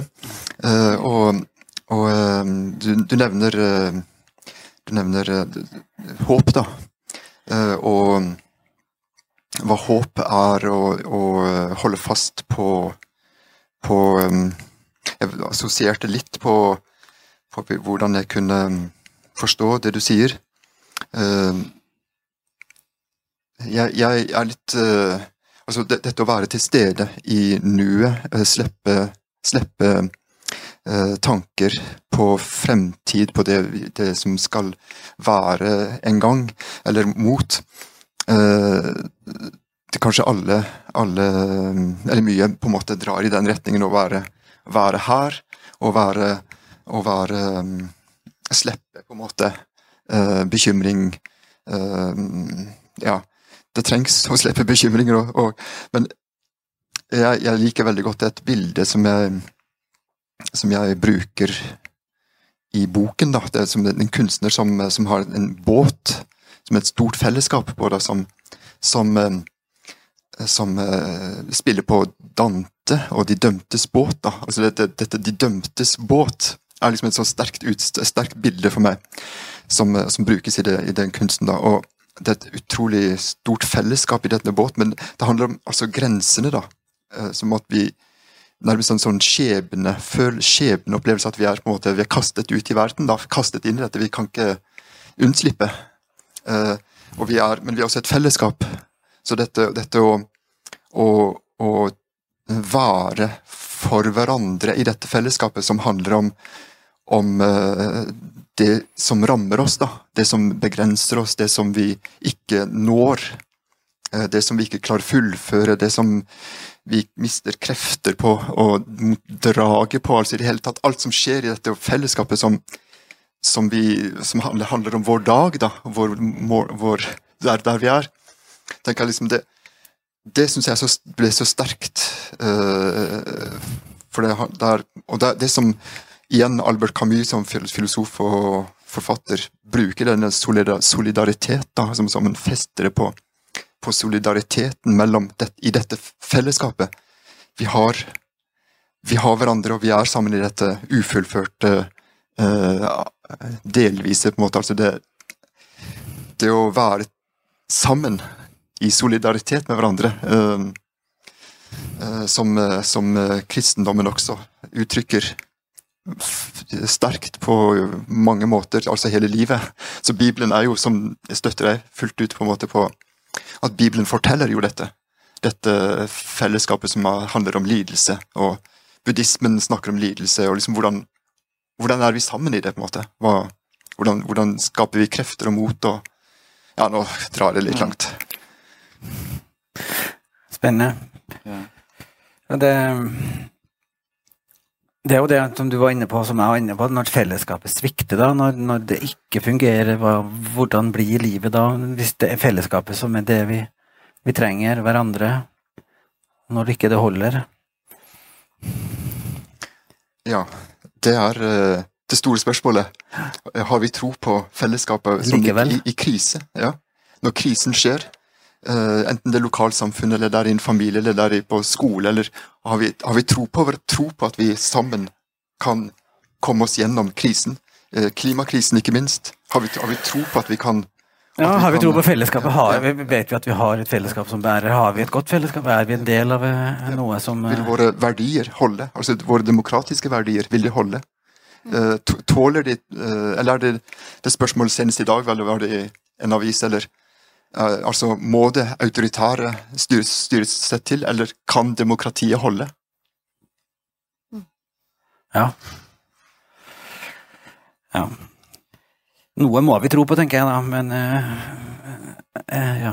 Troa i seg sjøl også Hvis vi mister trua på at, at det er noe som bærer, at noe, at noe ved fellesskapet vårt, ved demokratiet vårt, ved meningsutvekslingen med dialogen, som, som bærer uansett Hvis vi begynner å tenke at diktaturet, vi trenger det, så For meg da blir jeg redd, da.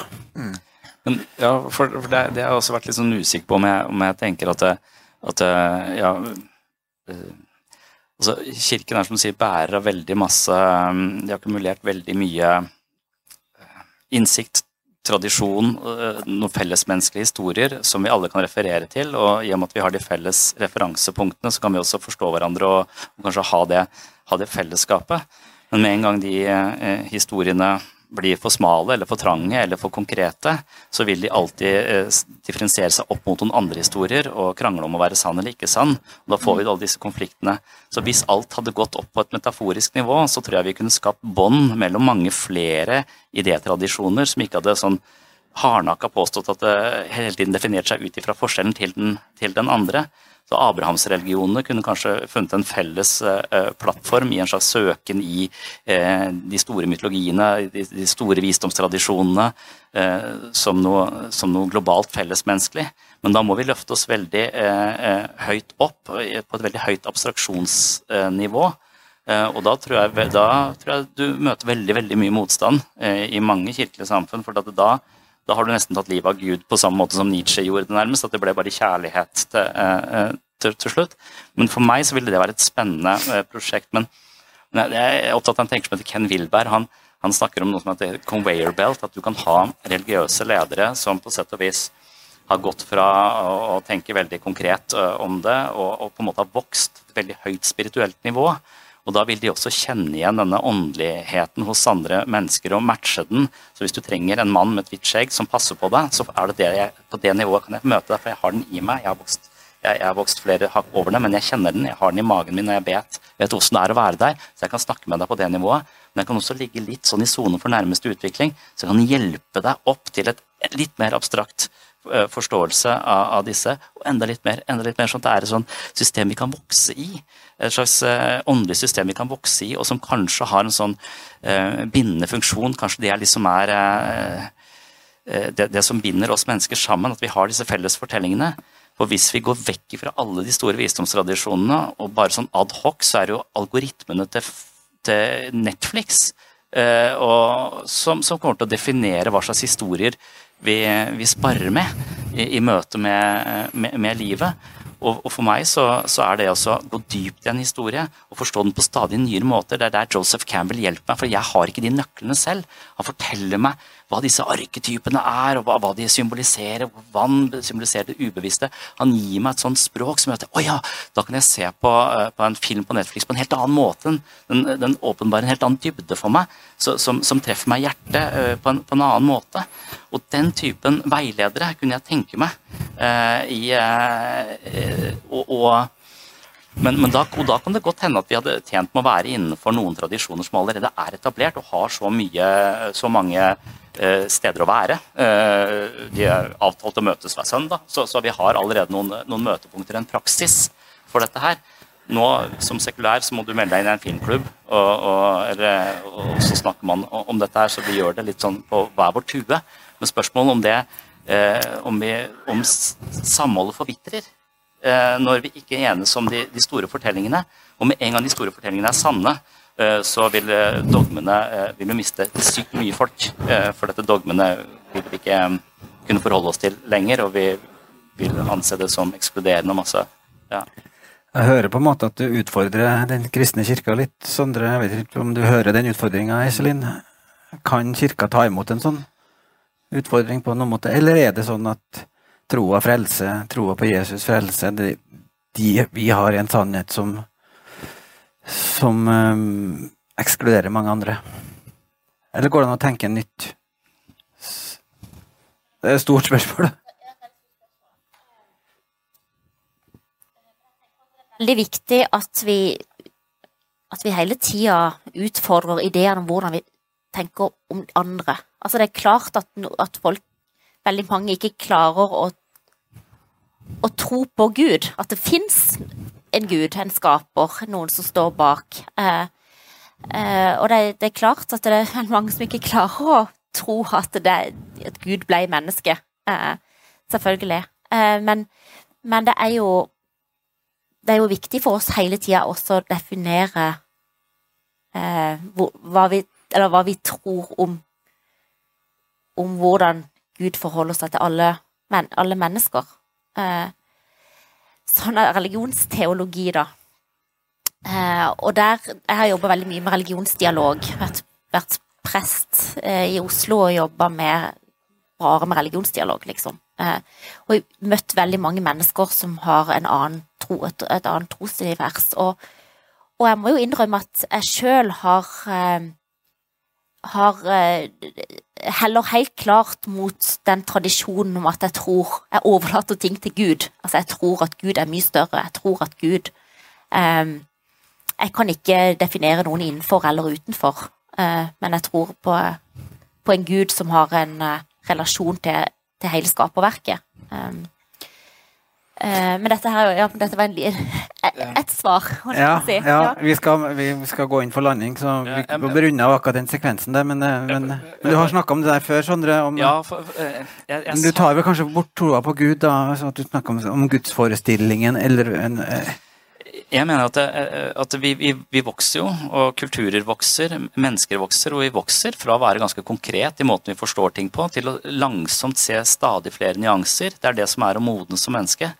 Eh, eh, så, så den samme, samme, bevegelsen tror jeg du finner på mange nivåer. Eh, men så, så, så jeg, hadde, jeg, hadde, tenkt at det, når jeg er i kriser i livet, eller, eller et eller annet, at, det, at, det, at de kunne være en, en noen historier som kunne hjulpet meg å, å, skape en kontakt med fellesskapet, som hadde gitt meg en følelse av tilhørighet og ikke være alene om denne opplevelsen.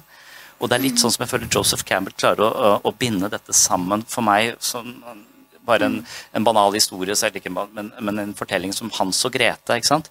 Hvorfor forteller vi Hans og Grete til barn? Altså, det Her er det to foreldre hvor hun mora har lyst til å bare pælme barna ut i skauen, for hun har lyst til å ha maten sjøl.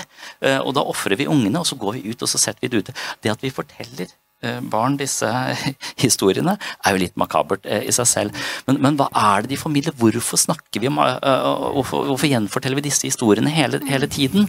Og, og, når jeg liksom tenker på det, så er det den derre en, måte å tenke på det vil være at det å gi slipp på barna sine og, og sette de ut i verden, det er noe vi må, må gjøre. For, for, for hvis, vi ikke, hvis vi holder barna hjemme, så blir vi hun heksa i det pepperkakehuset. Eh, som bare på en måte fôrer de med søtsaker og holder de eh, trygt. Og da må de kaste oss i ovnen for at eh, de må liksom de må brenne opp foreldrene sine for å bli frie. Så det å på en måte ville ha avstand til barna sine samtidig som ville ha de tett på, det er denne konflikten i mennesket. Den gjengitt i disse fortellingene våre. Og de skal hjelpe oss til å løse de konfliktene, eller komme gjennom de. Vi må ikke løse alle de konfliktene på, på egen hånd og, og, av oss selv, for de, er, de, de ligger som limet. Altså vi, vi, har ikke alt vi trenger for å overleve i genene våre uh, og i automatikk. Vi trenger mytologi som livsveiledere. for de, uh, gjennom de så kan vi uh, løse våre egne utfordringer. Og på den måten, altså Det hadde vært et spennende, et selvutviklende Og hvis det hadde finnes religiøse eller kristne eller, eller, steder hvor det ble gjort på denne måten, så hadde vi fått litt mindre å gjøre i psykisk helsevern. For vi har altfor mye å gjøre. Vi har sykt mange ventelister, og jeg avviser nærmest 40% av alle pasientene som skal til oss. De mangler de mangler dette. Eh, og, og, det trenger vi. Ja, og da sier du at det er gammel visdom, viktig visdom i de gamle mytologiene, de gamle fortellingene. Og, og, jeg tror, og, og, Om de ikke er der fra før, så er det nesten at vi kan projisere de inn i de også. De kan fungere som sparringspartner i møtene, møte med, med, med, livet. Og Hvis du da har noen, eh, noen, noen, mennesker som er gode på dette og kan gi deg, ikke svar, men peke deg i retning. Mm. Aldri et svar. Vi vil aldri ha noen som sier Men se, gå litt den. Altså, nå ser jeg du er helt i villrede, men vet du hva? jeg tror du skal gå litt den veien nå. Og så sjekk skogen der borte. Så, det, det, det, hadde føltes trygt, og det hadde føltes at her borte har mange funnet, uh, funnet noen, noen løsning på der, på der, du er. Det hadde, det, det hadde jeg likt. Dagfinn, ja. Kan Human-Etisk Forbund være den? Et sett, en setning i også, Dagfinn. Da runder vi av. Vi skal ha en pause. Ja, for Jeg lurer jo også på om, om eh, Jesus-historiene, da gir de like mye mening hvis man ikke tror at, på inkarnasjonen? At Gud ble menneske? At det er Gud? At, at, at, at eh, Jesus representerer Gud? Er, er Gud? Ja, for, for, meg så holder Jeg kan forholde ja. meg agnostisk til det. Altså det, ja. det, er, eh, det, det, trenger ikke å bety ja, så kan... mye for, for, min del, altså. Nei. Det er mye forbilde, uh, idealmenneske, visdom i hans liv, i måten å leve på, uten at den trenger å være nødvendigvis Guds sønn, da. Hva nå det enn betyr. Ja. Jeg tenker også at, det er, at dette um, mytologiske, da, eh, som, som um, jeg også tolker Bibelen som en del av det. og tenker at vi, I vår kultur har vi, har vi vært dominert da, av den bibelske, orientalske fortellingen. Det, er på en måte det kanskje også holdt en, en, eh, en eh, ja, litt ensidig på en måte fortellertradisjon som, som, eh, som, vi opplever nå, åpnes ved at vi blir mer eh, mangfoldskultur. Hvor vi, sånn som Forum for to livssyn, også, hvor man sitter og deler, deler fra, fra, fra religiøse tradisjoner og fra humanistisk eh, i, i, et fellesskap. Men også hele den Jeg tenker at, at det å stole på eh, menneskets kreative evne, da, altså skaperkraften, ved å sitte sammen og, og starte og bygge videre på de fortellingene. Så det er jo så store fortellinger som, som utbroderes i, i, litteratur, i film, eh, som tar pulsen på tida, som, som bruker eh, religiøse tradisjoner, filosofiske tradisjoner. og liksom det å, det å, å, å stole på at dette stole på at dette er med på å gi oss nye fortellinger, men vi må, vi må, vi må dele dem og utvikle ja. Det, for, ja. For Nå det siste jeg, jeg må si, For det jeg lurer på, er om, om denne, det, det Hamas vil kalle kolonisering av livsverden. At disse, dette mer empiriske, dette positivistiske idealet, eh, naturvitenskapen, har fått en slags hegemoni. Og også har til og med eh, eh, tro og, og, religion hengt seg på det og prøvd å bevise seg selv. Og mm. begynt å spille på en banehalvdel hvor de mister all det potensialet de hadde. For det er den er empiriske virkeligheten. Det er interessant nok hvis du er forsker, men, men det, det, er noe annet uh, som også har en, uh, har en verdi. En, en, subjektiv dimensjon, en intersubjektiv dimensjon, så, som, som jeg, I de eh, religiøse settingene jeg har, så er de veldig opptatt av å bevise. Eh, og, de, og, de, driver med tall, og særlig sånne Jeg har vært på foredrag med sånne folk som, som er matematikere og skal regne ut sannsynligheten eh, for hvordan verden ble sånn som den ble. og Det kan ikke være tilfeldig, derfor så må det være. ikke sant? Store masse tall. Da, som om det idealet der har også ødelagt litt både for psykisk helse. At det har blitt en sånn klinisk eh, naturvitenskapelig disiplin. Skal ha en diagnose, skal utredes. Og, og, at vi, vi mister de, det eksistensielle ved det å være menneske. Og så har vi ikke noe, noe språkspill for det lenger. Og da, da, blir vi åndelig fattige.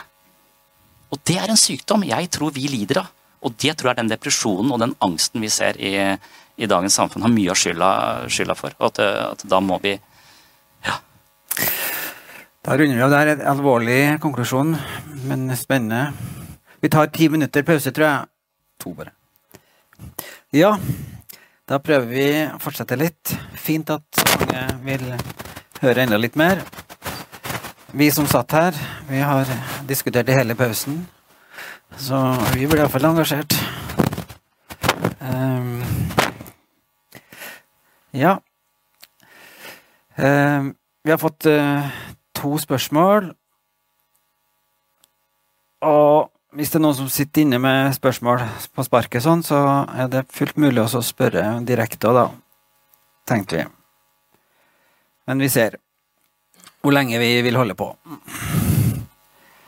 Ingen på mobil, nei. Jeg har noen spørsmål på luring, jeg òg, da.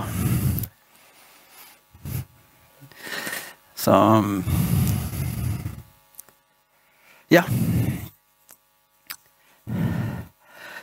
Eh, det er nå to spennende, fine spørsmål her.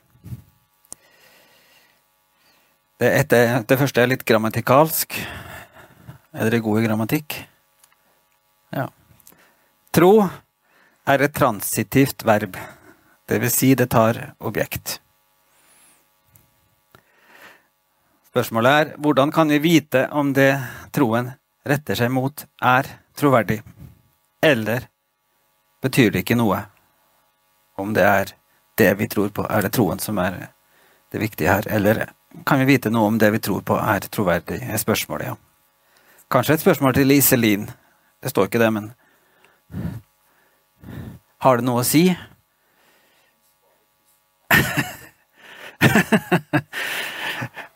Plusspoeng. Ja.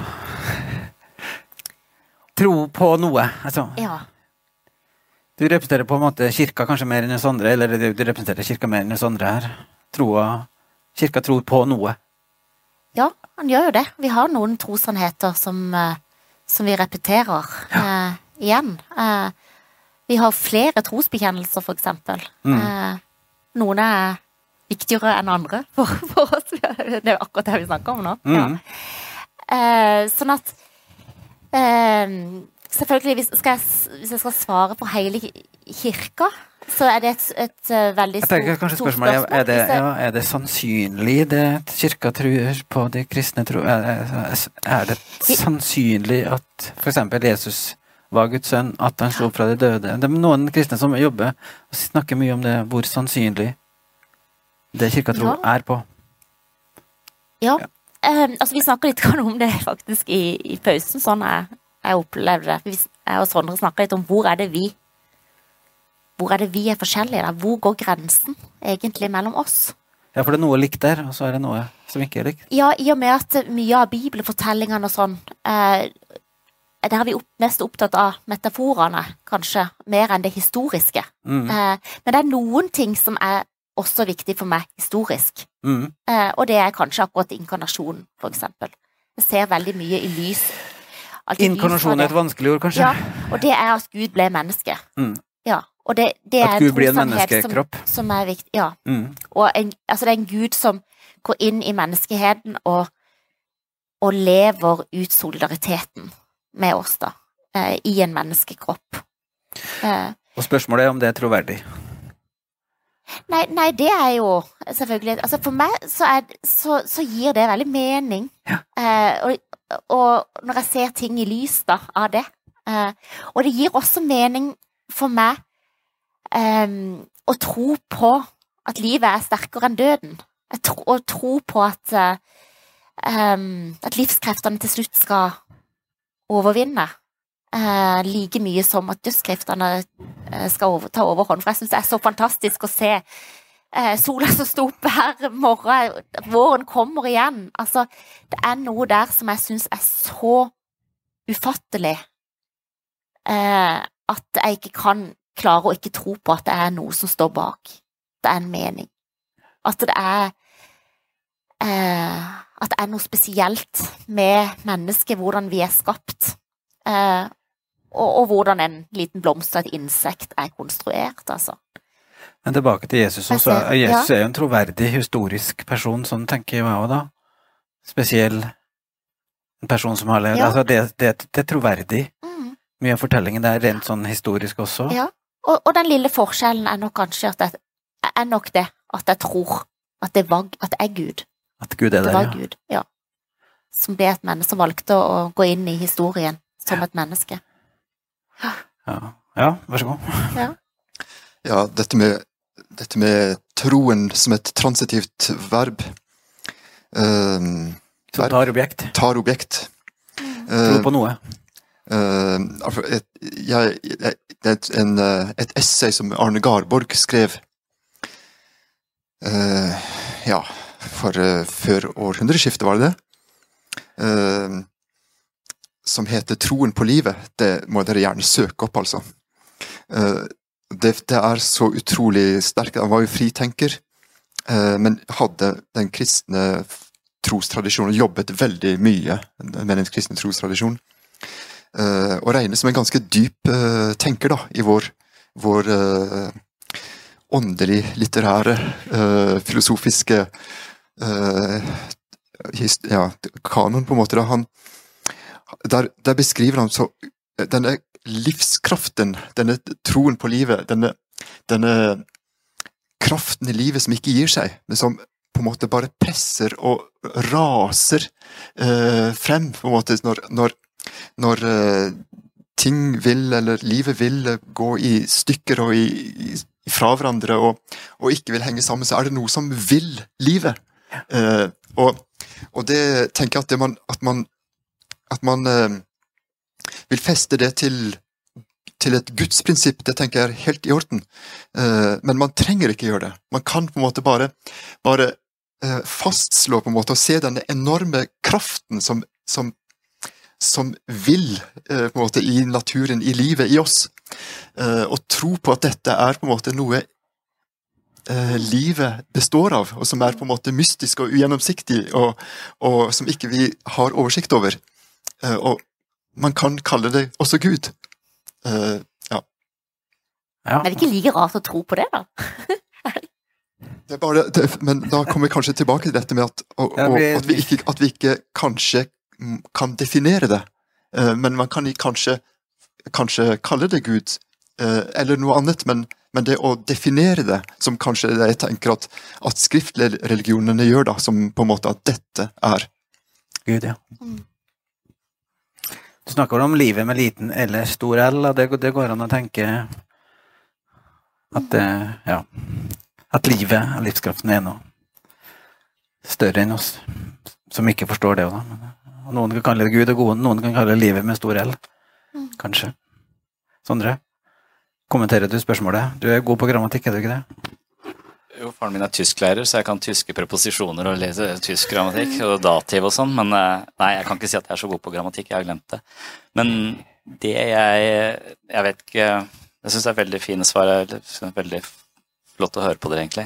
Um, det jeg tenkte om det, og der jeg tenker at jeg har skiller skille lag med en del av de menneskene jeg har diskutert tro uh, og, og kristendom med, er at de har en, en det, jeg det er sannhet med liten s og stor S, for å holde oss innenfor uh, dette litt språklige.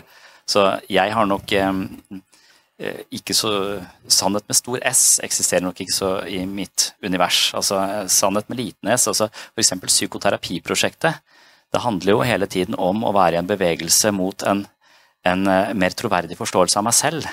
Altså jeg lyver for meg selv, jeg lurer meg selv, Og hver gang jeg oppdager noe nytt med meg selv og disse eh, små livsløgnene som jeg har, så får jeg et litt større perspektiv. Eh, jeg, blir, jeg, vokser litt som menneske, og jeg kommer litt mer nærmere en mer realistisk variant av meg selv. Så jeg tror aldri at det, sannheten er noe som kan nås, men jeg tror vi kan bevege oss eh, mot det, og at det er meningsfullt å bevege seg mot. Eh, så mot eh, stadig mer virkelighetsnære forståelser av verden, av oss selv osv. At den bevegelsen er eh, veldig spennende, men at vi aldri, nettopp pga. dette med definisjon, vi kan ikke pga. at vi fortolker alt, pga. at vi har et mentalt maskineri som aldri vil komme til tingen i seg selv. Da.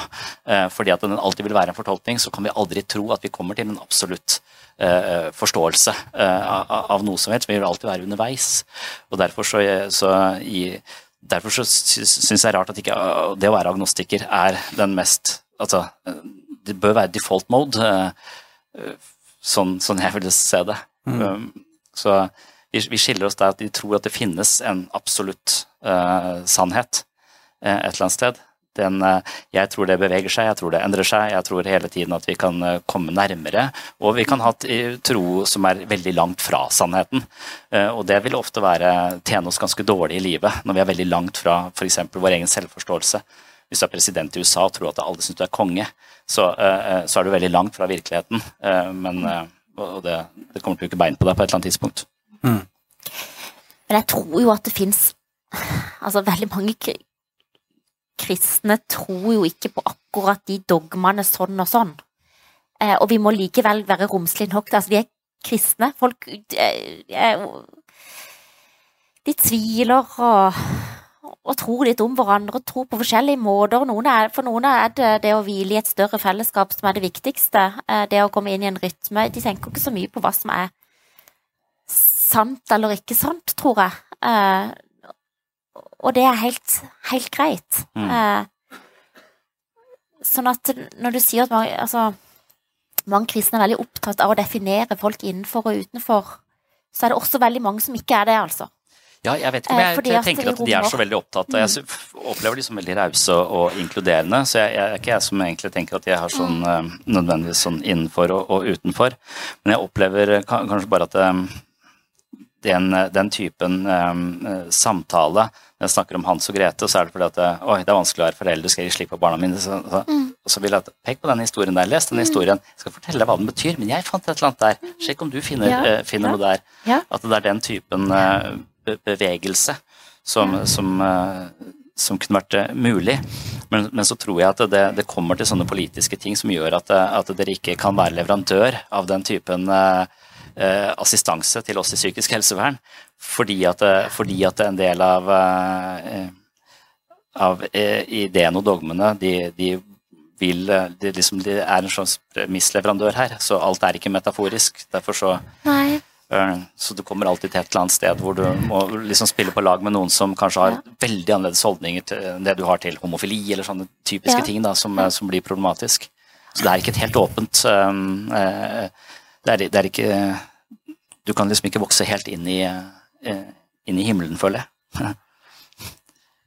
Eh, men det har jeg kanskje ikke prøvd nok. da. Jeg har vært mer i de frikirkelige arenaene som er eh, ganske mye mer snakker annerledes om dette enn deg. Så, så, så vi, vi, vi, er nok likere enn jeg er en del av de mer konservative menighetene. De kommer iallfall ikke noe vi får, får ikke noe sikkert svar på denne sida av livet, eller sånn. Nei, det, vi, sånn at, det vi, vi undrer oss uh, sammen. ja. ja. Det er kanskje litt annet, Iselin, men mange kristne og tradisjonell kristen forkynnelse sier jo at troen frelser òg, da. Og, og, ikke gjerningene. Altså, hva, hva, snakker vi om da? Den frelsende troen, altså, det er, det er det som skiller mellom innafor og utafor. Men det handler vel om, om det, du, det handler vel om hva du tror på. Om den trua frelse eller ikke frelse, deg. Det, det, her er den kristne tradisjonen så utrolig stor, ja. tenker jeg. At uh, uh, så, så, altså, hva frelse er, der har vi flere modeller, liksom. Rett og slett. Det for teknisk. Jo, nei, men det er Luthers kirke. Luther ja. oppdaga mm. Det gjorde han ikke, det? At troa alene frelser. At det er nok. Ja, å at Ja. det, Gud er rett og slett større.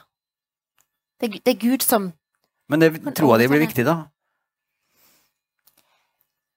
Ja, eller det handler Altså eh, eh, Luther var veldig opptatt av det at eh, eh, At vi er ufeilbarlige. Nei, at vi ikke er ufeilbarlige. Nei, hva blir det? Vi er Vi er ufeilbarlige. ufeilbarlige. Ja. Vi- Eller vi er feilbarlige. ja, ikke sant? Sånn at det, Det er heller ja. Sånn at, At vi er svake, eller at vi Synden handler rett og slett om det. At vi ikke er er perfekte. store og ordentlige og ikke er perfekte. Og derfor trenger nåden, og derfor trenger Ja. en, noen Og så er det for, som, som forskjellige forsoningslærer, rett og Ja, det- slett, om akkurat hva det er som Akkurat hva det er som frelser, og hva frelse betyr. Um, da, da kan vi ha en hel kveld om det. Men det Ja, jeg, skal- jeg, jeg, blir gjerne med, da. Blir gjerne med, da. Ja. Ta, det var kanskje litt sidespor. Nei, nei, ikke nødvendigvis, altså, men det, det store, store spørsmål. For meg handler det om Ja. eh, hva, hva mener kirka når den snakker om tro, da? Altså, At troa er viktig. Og noen tror, og noen ikke tror, og det er avgjørende for For noen er det avgjørende for himmel eller ikke himmel. Og for noen himmel. er bare dåpen kjempeviktig. Og hva tror vi da om de som ikke er døpt? Ja, Eh, ja. eh, vi, det, vi er i alle fall, jeg kan iallfall si det med sikkerhet at det,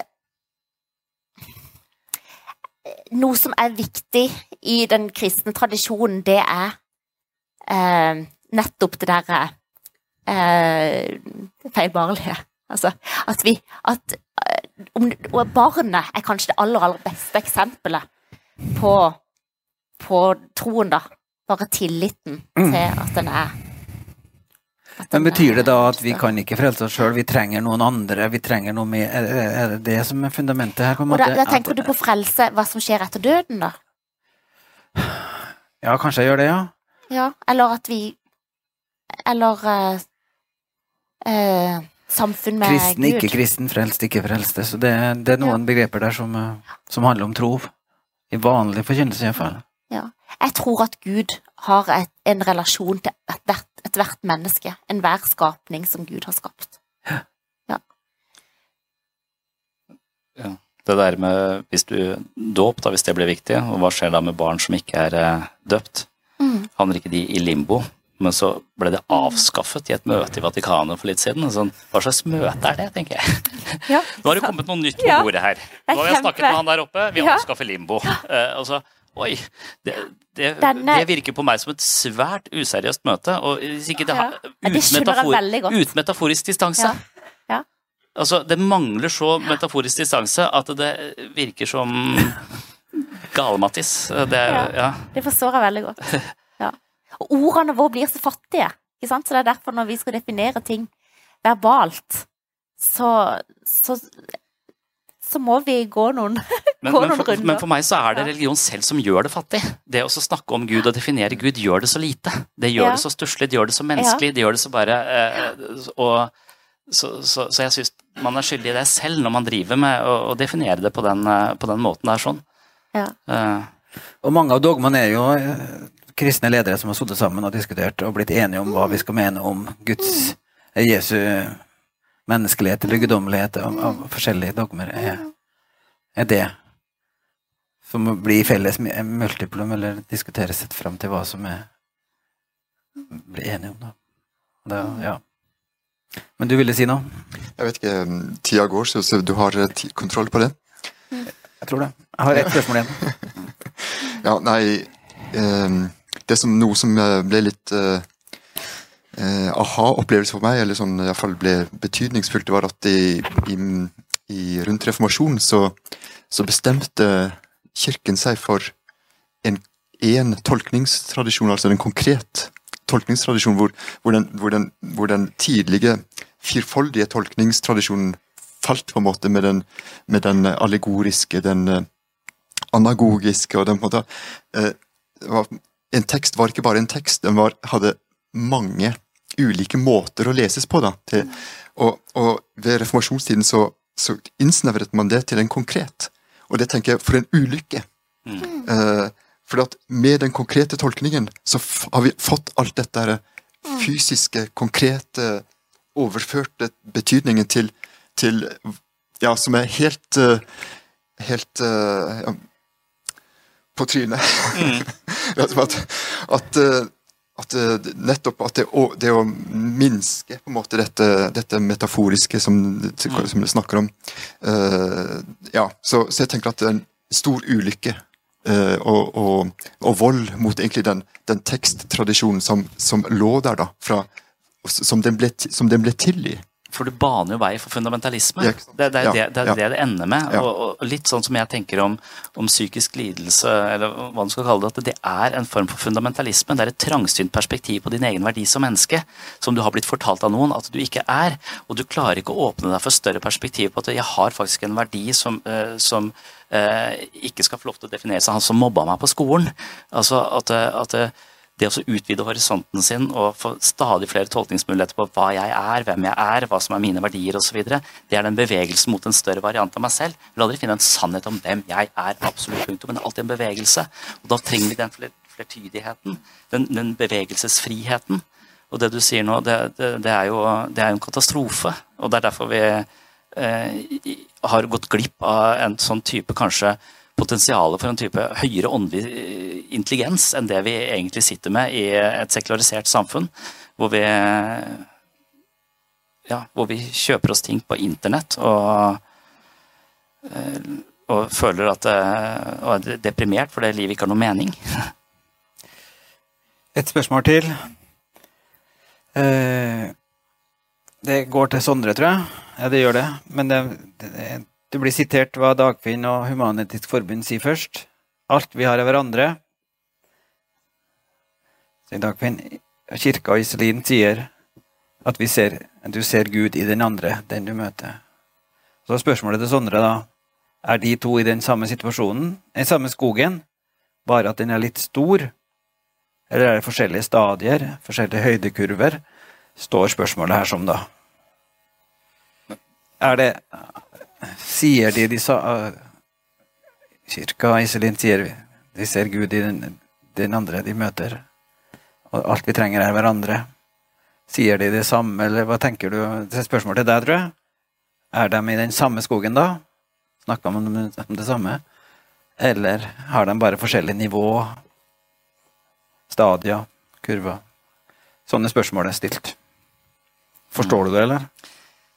Jeg er ikke helt uh, sikker, men uh, jeg vil og...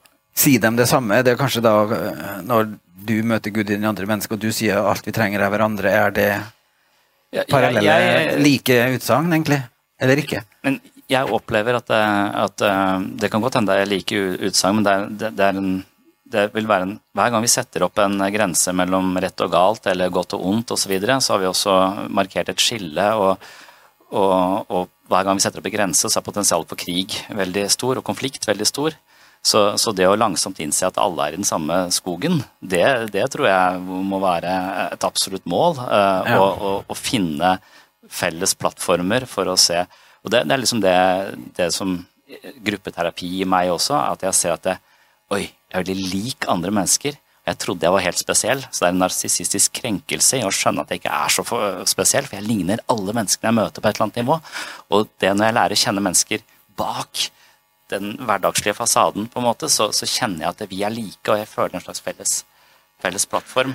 Det er derfor det er vanskelig å, å håndtere de som er veldig alvorlige uh, ute i det psykotiske, for det er som om den plattformen er så vanskelig tilgjengelig. Så det å langsomt komme til å føle seg som en del av større og større fellesskap, og som en tilhørighet å ha en flokk, det, det språket vil jeg også snakke. Eh, så det er nok i samme skogen jeg òg, eventuelt. Eh, uten at jeg helt eh, Nei, men opplever du at dere sier det samme når du, når du blir sitert, og du, Iselin blir sitert på hva dere sier? Eller sier dere veldig forskjellige ting? Ja og nei, tror jeg. ja, på den måten at jeg, jeg har også funnet eh, ganske mm, åpen, spennende vei gjennom en eh, filosof, eh, Levinas, som, som Han setter seg som mål å, å utforske eh, gudsbegrepet immanent, altså ut fra våre eh, eh, våre rasjonelle begrep og tenkemåter. Altså en uten å, uten å plassere Gud utenfor, som noe som, som er der. Og da, det han gjør, det er å, å se Gud i, i den andre. Eh, eh, og da gjerne ofte den andre med stor A. Altså en, og på den måten at den, det mennesket vi møter, er alltid noe utenfor oss, eh, og som, som kommer til oss uforberedt. Vi kan ikke styre, vi kan ikke regulere. Den andre kommer overraskende på oss, på en måte. Med sin, med sin fordring, da, med sitt blikk, med sitt ansikt, så, så kommer den andre oss med en fordring som vi ikke vi kan unnslippe, fordi vi har møtt en person, vi har sett den. Den, den, den, den Vi kan ikke unnslippe minnet om hva denne personen Eh, eh, brakte til oss. da. Og, og det, det, filosoferer Levinas da som, som et slags eh, gud, altså som den andre. da. Og det er ikke så veldig langt fra eh, en, en, inkarnasjonsforståelse. Så, så, hvis en på en måte Hvis en da ser på, ser på, eh, på, eh, på den måten, så, så kan vi gjerne kanskje si at vi er i samme skog. Men så er det kanskje andre, andre perspektiv eh, som, eh, som, da kanskje ja, kanskje kan hvis det fester seg i det dogmatiske. Eh, at, den, at den da blir vanske, det blir vanskeligere å og for meg som sekulær humanist måtte og, å, å kanskje si at da, da, får jeg kanskje behov for å avgrense og si at nei, en, en gud som har talt ord eh, som, som, evig sanne, på en måte, og med autoritet Nei, det, der må jeg sette grensa. Det kan jeg ikke Det kan jeg ikke Det kan jeg ikke ta. Mm. Så, sånn jeg har forstått Levinas også, så, så sier han at ethvert møte med et annet menneske gir oss en liten flik av skaperen. Sånn at du kan, du kan aldri vite nok om skaperen. Uten at da må du møte alle, hele skaperverket, ethvert menneske. Og det syns jeg er litt flott her vi sitter her og er forskjellige og har forskjellige innfallsvinkler på livet og ja, guddom eller ikke guddom eller sånt. Eh, jeg blir berika når jeg hører deres fortellinger, og syns at Levinas det, sier det på en veldig flott måte, at ved ethvert menneskemøte jo mer rik Altså mer ser man, eller lærer man om skaperen som står bak, da. Men det er jo min tro. Men, ja, jeg, jeg, Vi skal runde av der, så Jeg bare lurer på det perspektivet, for det, jeg vet ikke helt om jeg uh, forsto, men jeg har tenkt litt som humanvitenskaper, f.eks. At, at hvis man innenfor naturvitenskap så kan man studere planeten Pluto, og, og så kan man degradere til en dvergplanet. Men det påvirker ikke Pluto i noe særlig grad. Den vil fortsette å gå i den samme banen. Men idet jeg møter deg og opplever deg og forstår deg, så beveger jeg deg på en eller annen måte. Så i det møtet så vil jeg komme til Du setter avtrykk hos meg, du kommer til å forandre meg i løpet av denne kvelden. Det gjør du, og det gjør Erlend. Så, så, i ethvert møte så skapes jeg i den andres, uh, i den andres blikk. Mm. Noe som også er selve ideen i gruppeterapi, som er det jeg driver med til, til, til daglig. At vi, at vi, blir kjent med oss selv via den andre også. Noe som også er en uh, Da blir vi jo vi blir skapt i den andres bilde. Og når jeg da sitter med en diagnosemanual og driver og putter merkelapper på folk hele tiden, så, så risikerer jeg å begå en stor urett da, ved å kalle de ting som, som, binder de til en ganske snever forståelse av eh, Og som ofte er biologisk determinert, så du er fanga av denne lidelsen, så du blir den lidelsen. Så språket som møter med den andre, er, eh, er Da skal du være bevisst ditt ansvar, i hvert fall. Jeg har lyst til å si tusen takk til dere alle sammen. Jeg har uh, syns det har vært fint å høre hvor mye vi møter hverandre på mye av ordene våre, mye av tankene våre, og noe er forskjellig. Men det er en respektfull og fin samtale. Og det du sa til slutt også, det å, lytte til hverandre på en sånn måte er viktig, tror jeg. Og det har vært fint for meg òg. Så vi skal runde av med det. Si takk til Human-Etisk Forbund i Agder og Kristiansand som har vært med å arrangere, og Domkirka som har vært med å arrangere, og Sondre som stiller opp. Har prika samtalen veldig bra. Du også. Eh, jeg skal nevne at det ligger tre bøker ute i foajeen. Sondre har skrevet bok om sitt, eh, sin leiting i kristne miljø. og funnet mye bra, og noe som du forteller om som, som du er litt mer kritisk til Også, da. Og du har skrevet bok om din troshistorie. Stor fortelling, spennende fortelling, lang vandring. Eh, hva heter boka di, da? Mot en grense. Mot en grense, ja. Og de bok heter Psykologens journal. Og så har jeg skrevet boka som heter Skrift rista i sand, ord hogd i stein. Som handler om min vandring, men det er småstykker med litt dikt, litt uh, fortellinger, litt um, filosofiske betraktninger av bilder. Små stykker, hele boka. Jeg må si at Den boka di den, den gir meg det jeg Jeg kan bla opp på en hvilken som helst side, og det, det, peker i retninger. Det sier ingenting, absolutt. Det har flotte bilder, og det peker i retninger. Så jeg klarer ikke å åpne den uten å, eh, å, å, å, bli litt større. Så den boka syns jeg er fantastisk. Takk, takk. Det ligger noen lapper der, så det går an å vippse penger for boka. Vi ja, ta den med og betale når det passer, eller sånn, sier vi. Men gjerne betal. ja, takk til dere òg som kom. Takk for følget, takk for at du hører på Sinnsyn, og takk til eh, Erlend Våde, som var primus motor bak denne kvelden og denne samtalen. Takk til eh, Dagfinn Ullestad, som er livsveileder i Human-Etisk Forbund, og takk til Iselin Jørgensen, som altså er prest i Domkirken menighet her i Kristiansand. Og takk til eh, Cinemateket, som lagde en eh, fin ramme rundt eh, denne samtalen på en scene her i Kristiansand sentrum. Det var det for denne gang om tro og tvil. Som nevnt så har jeg skrevet en bok som beveger seg i nettopp dette landskapet, og den boka heter Psykologens journal, og du finner den til best pris med gratis frakt og rask levering på min bokhandel på webpsykologen.no. Er du enda mer interessert i menneskets indre liv, relasjoner og selvutvikling, så håper jeg selvfølgelig at du klikker deg inn på min Patron-konto også, og blir supporter av Sinnsyn og Webpsykologen.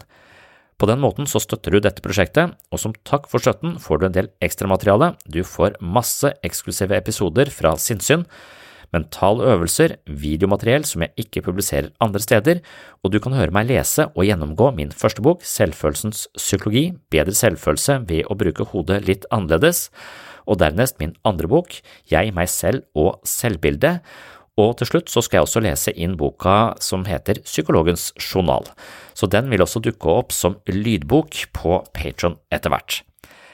Ved hjelp av en rekke psykologiske teorier forsøker jeg å lage et slags treningsprogram hvor man gjør øvelser som styrker selvbildet, selvfølelsen og mentale muskler. Er du blant de som finner verdi her på sinnssyn og litt over middels interessert i psykologi og filosofi, så er et medlemskap i Sinnsyns mentale helsestudio kanskje noe for deg. Håper å se deg som Patron-supporter. Du finner også medlemskapet på patron.com for segs sinnssyn. Det var det for denne gang. Tusen takk for følget, og på gjenhør. Oh, I'm just losing my mind, that's all.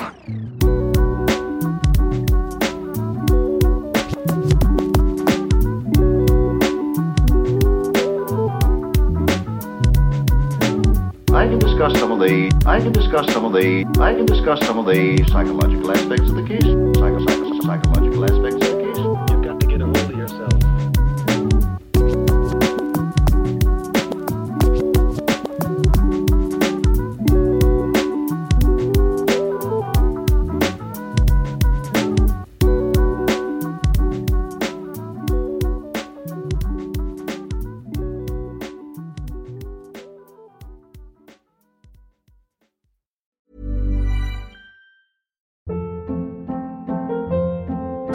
Hold up. What was that? Boring. No flavor. That was as bad as those leftovers you ate all week. Kiki Palmer here, and it's time to say hello to something fresh and guilt-free. Hello Fresh. Jazz up dinner with pecan-crusted chicken or garlic butter shrimp scampi. Now that's music to my mouth. Hello Fresh. Let's get this dinner party started. Discover all the delicious possibilities at hellofresh.com.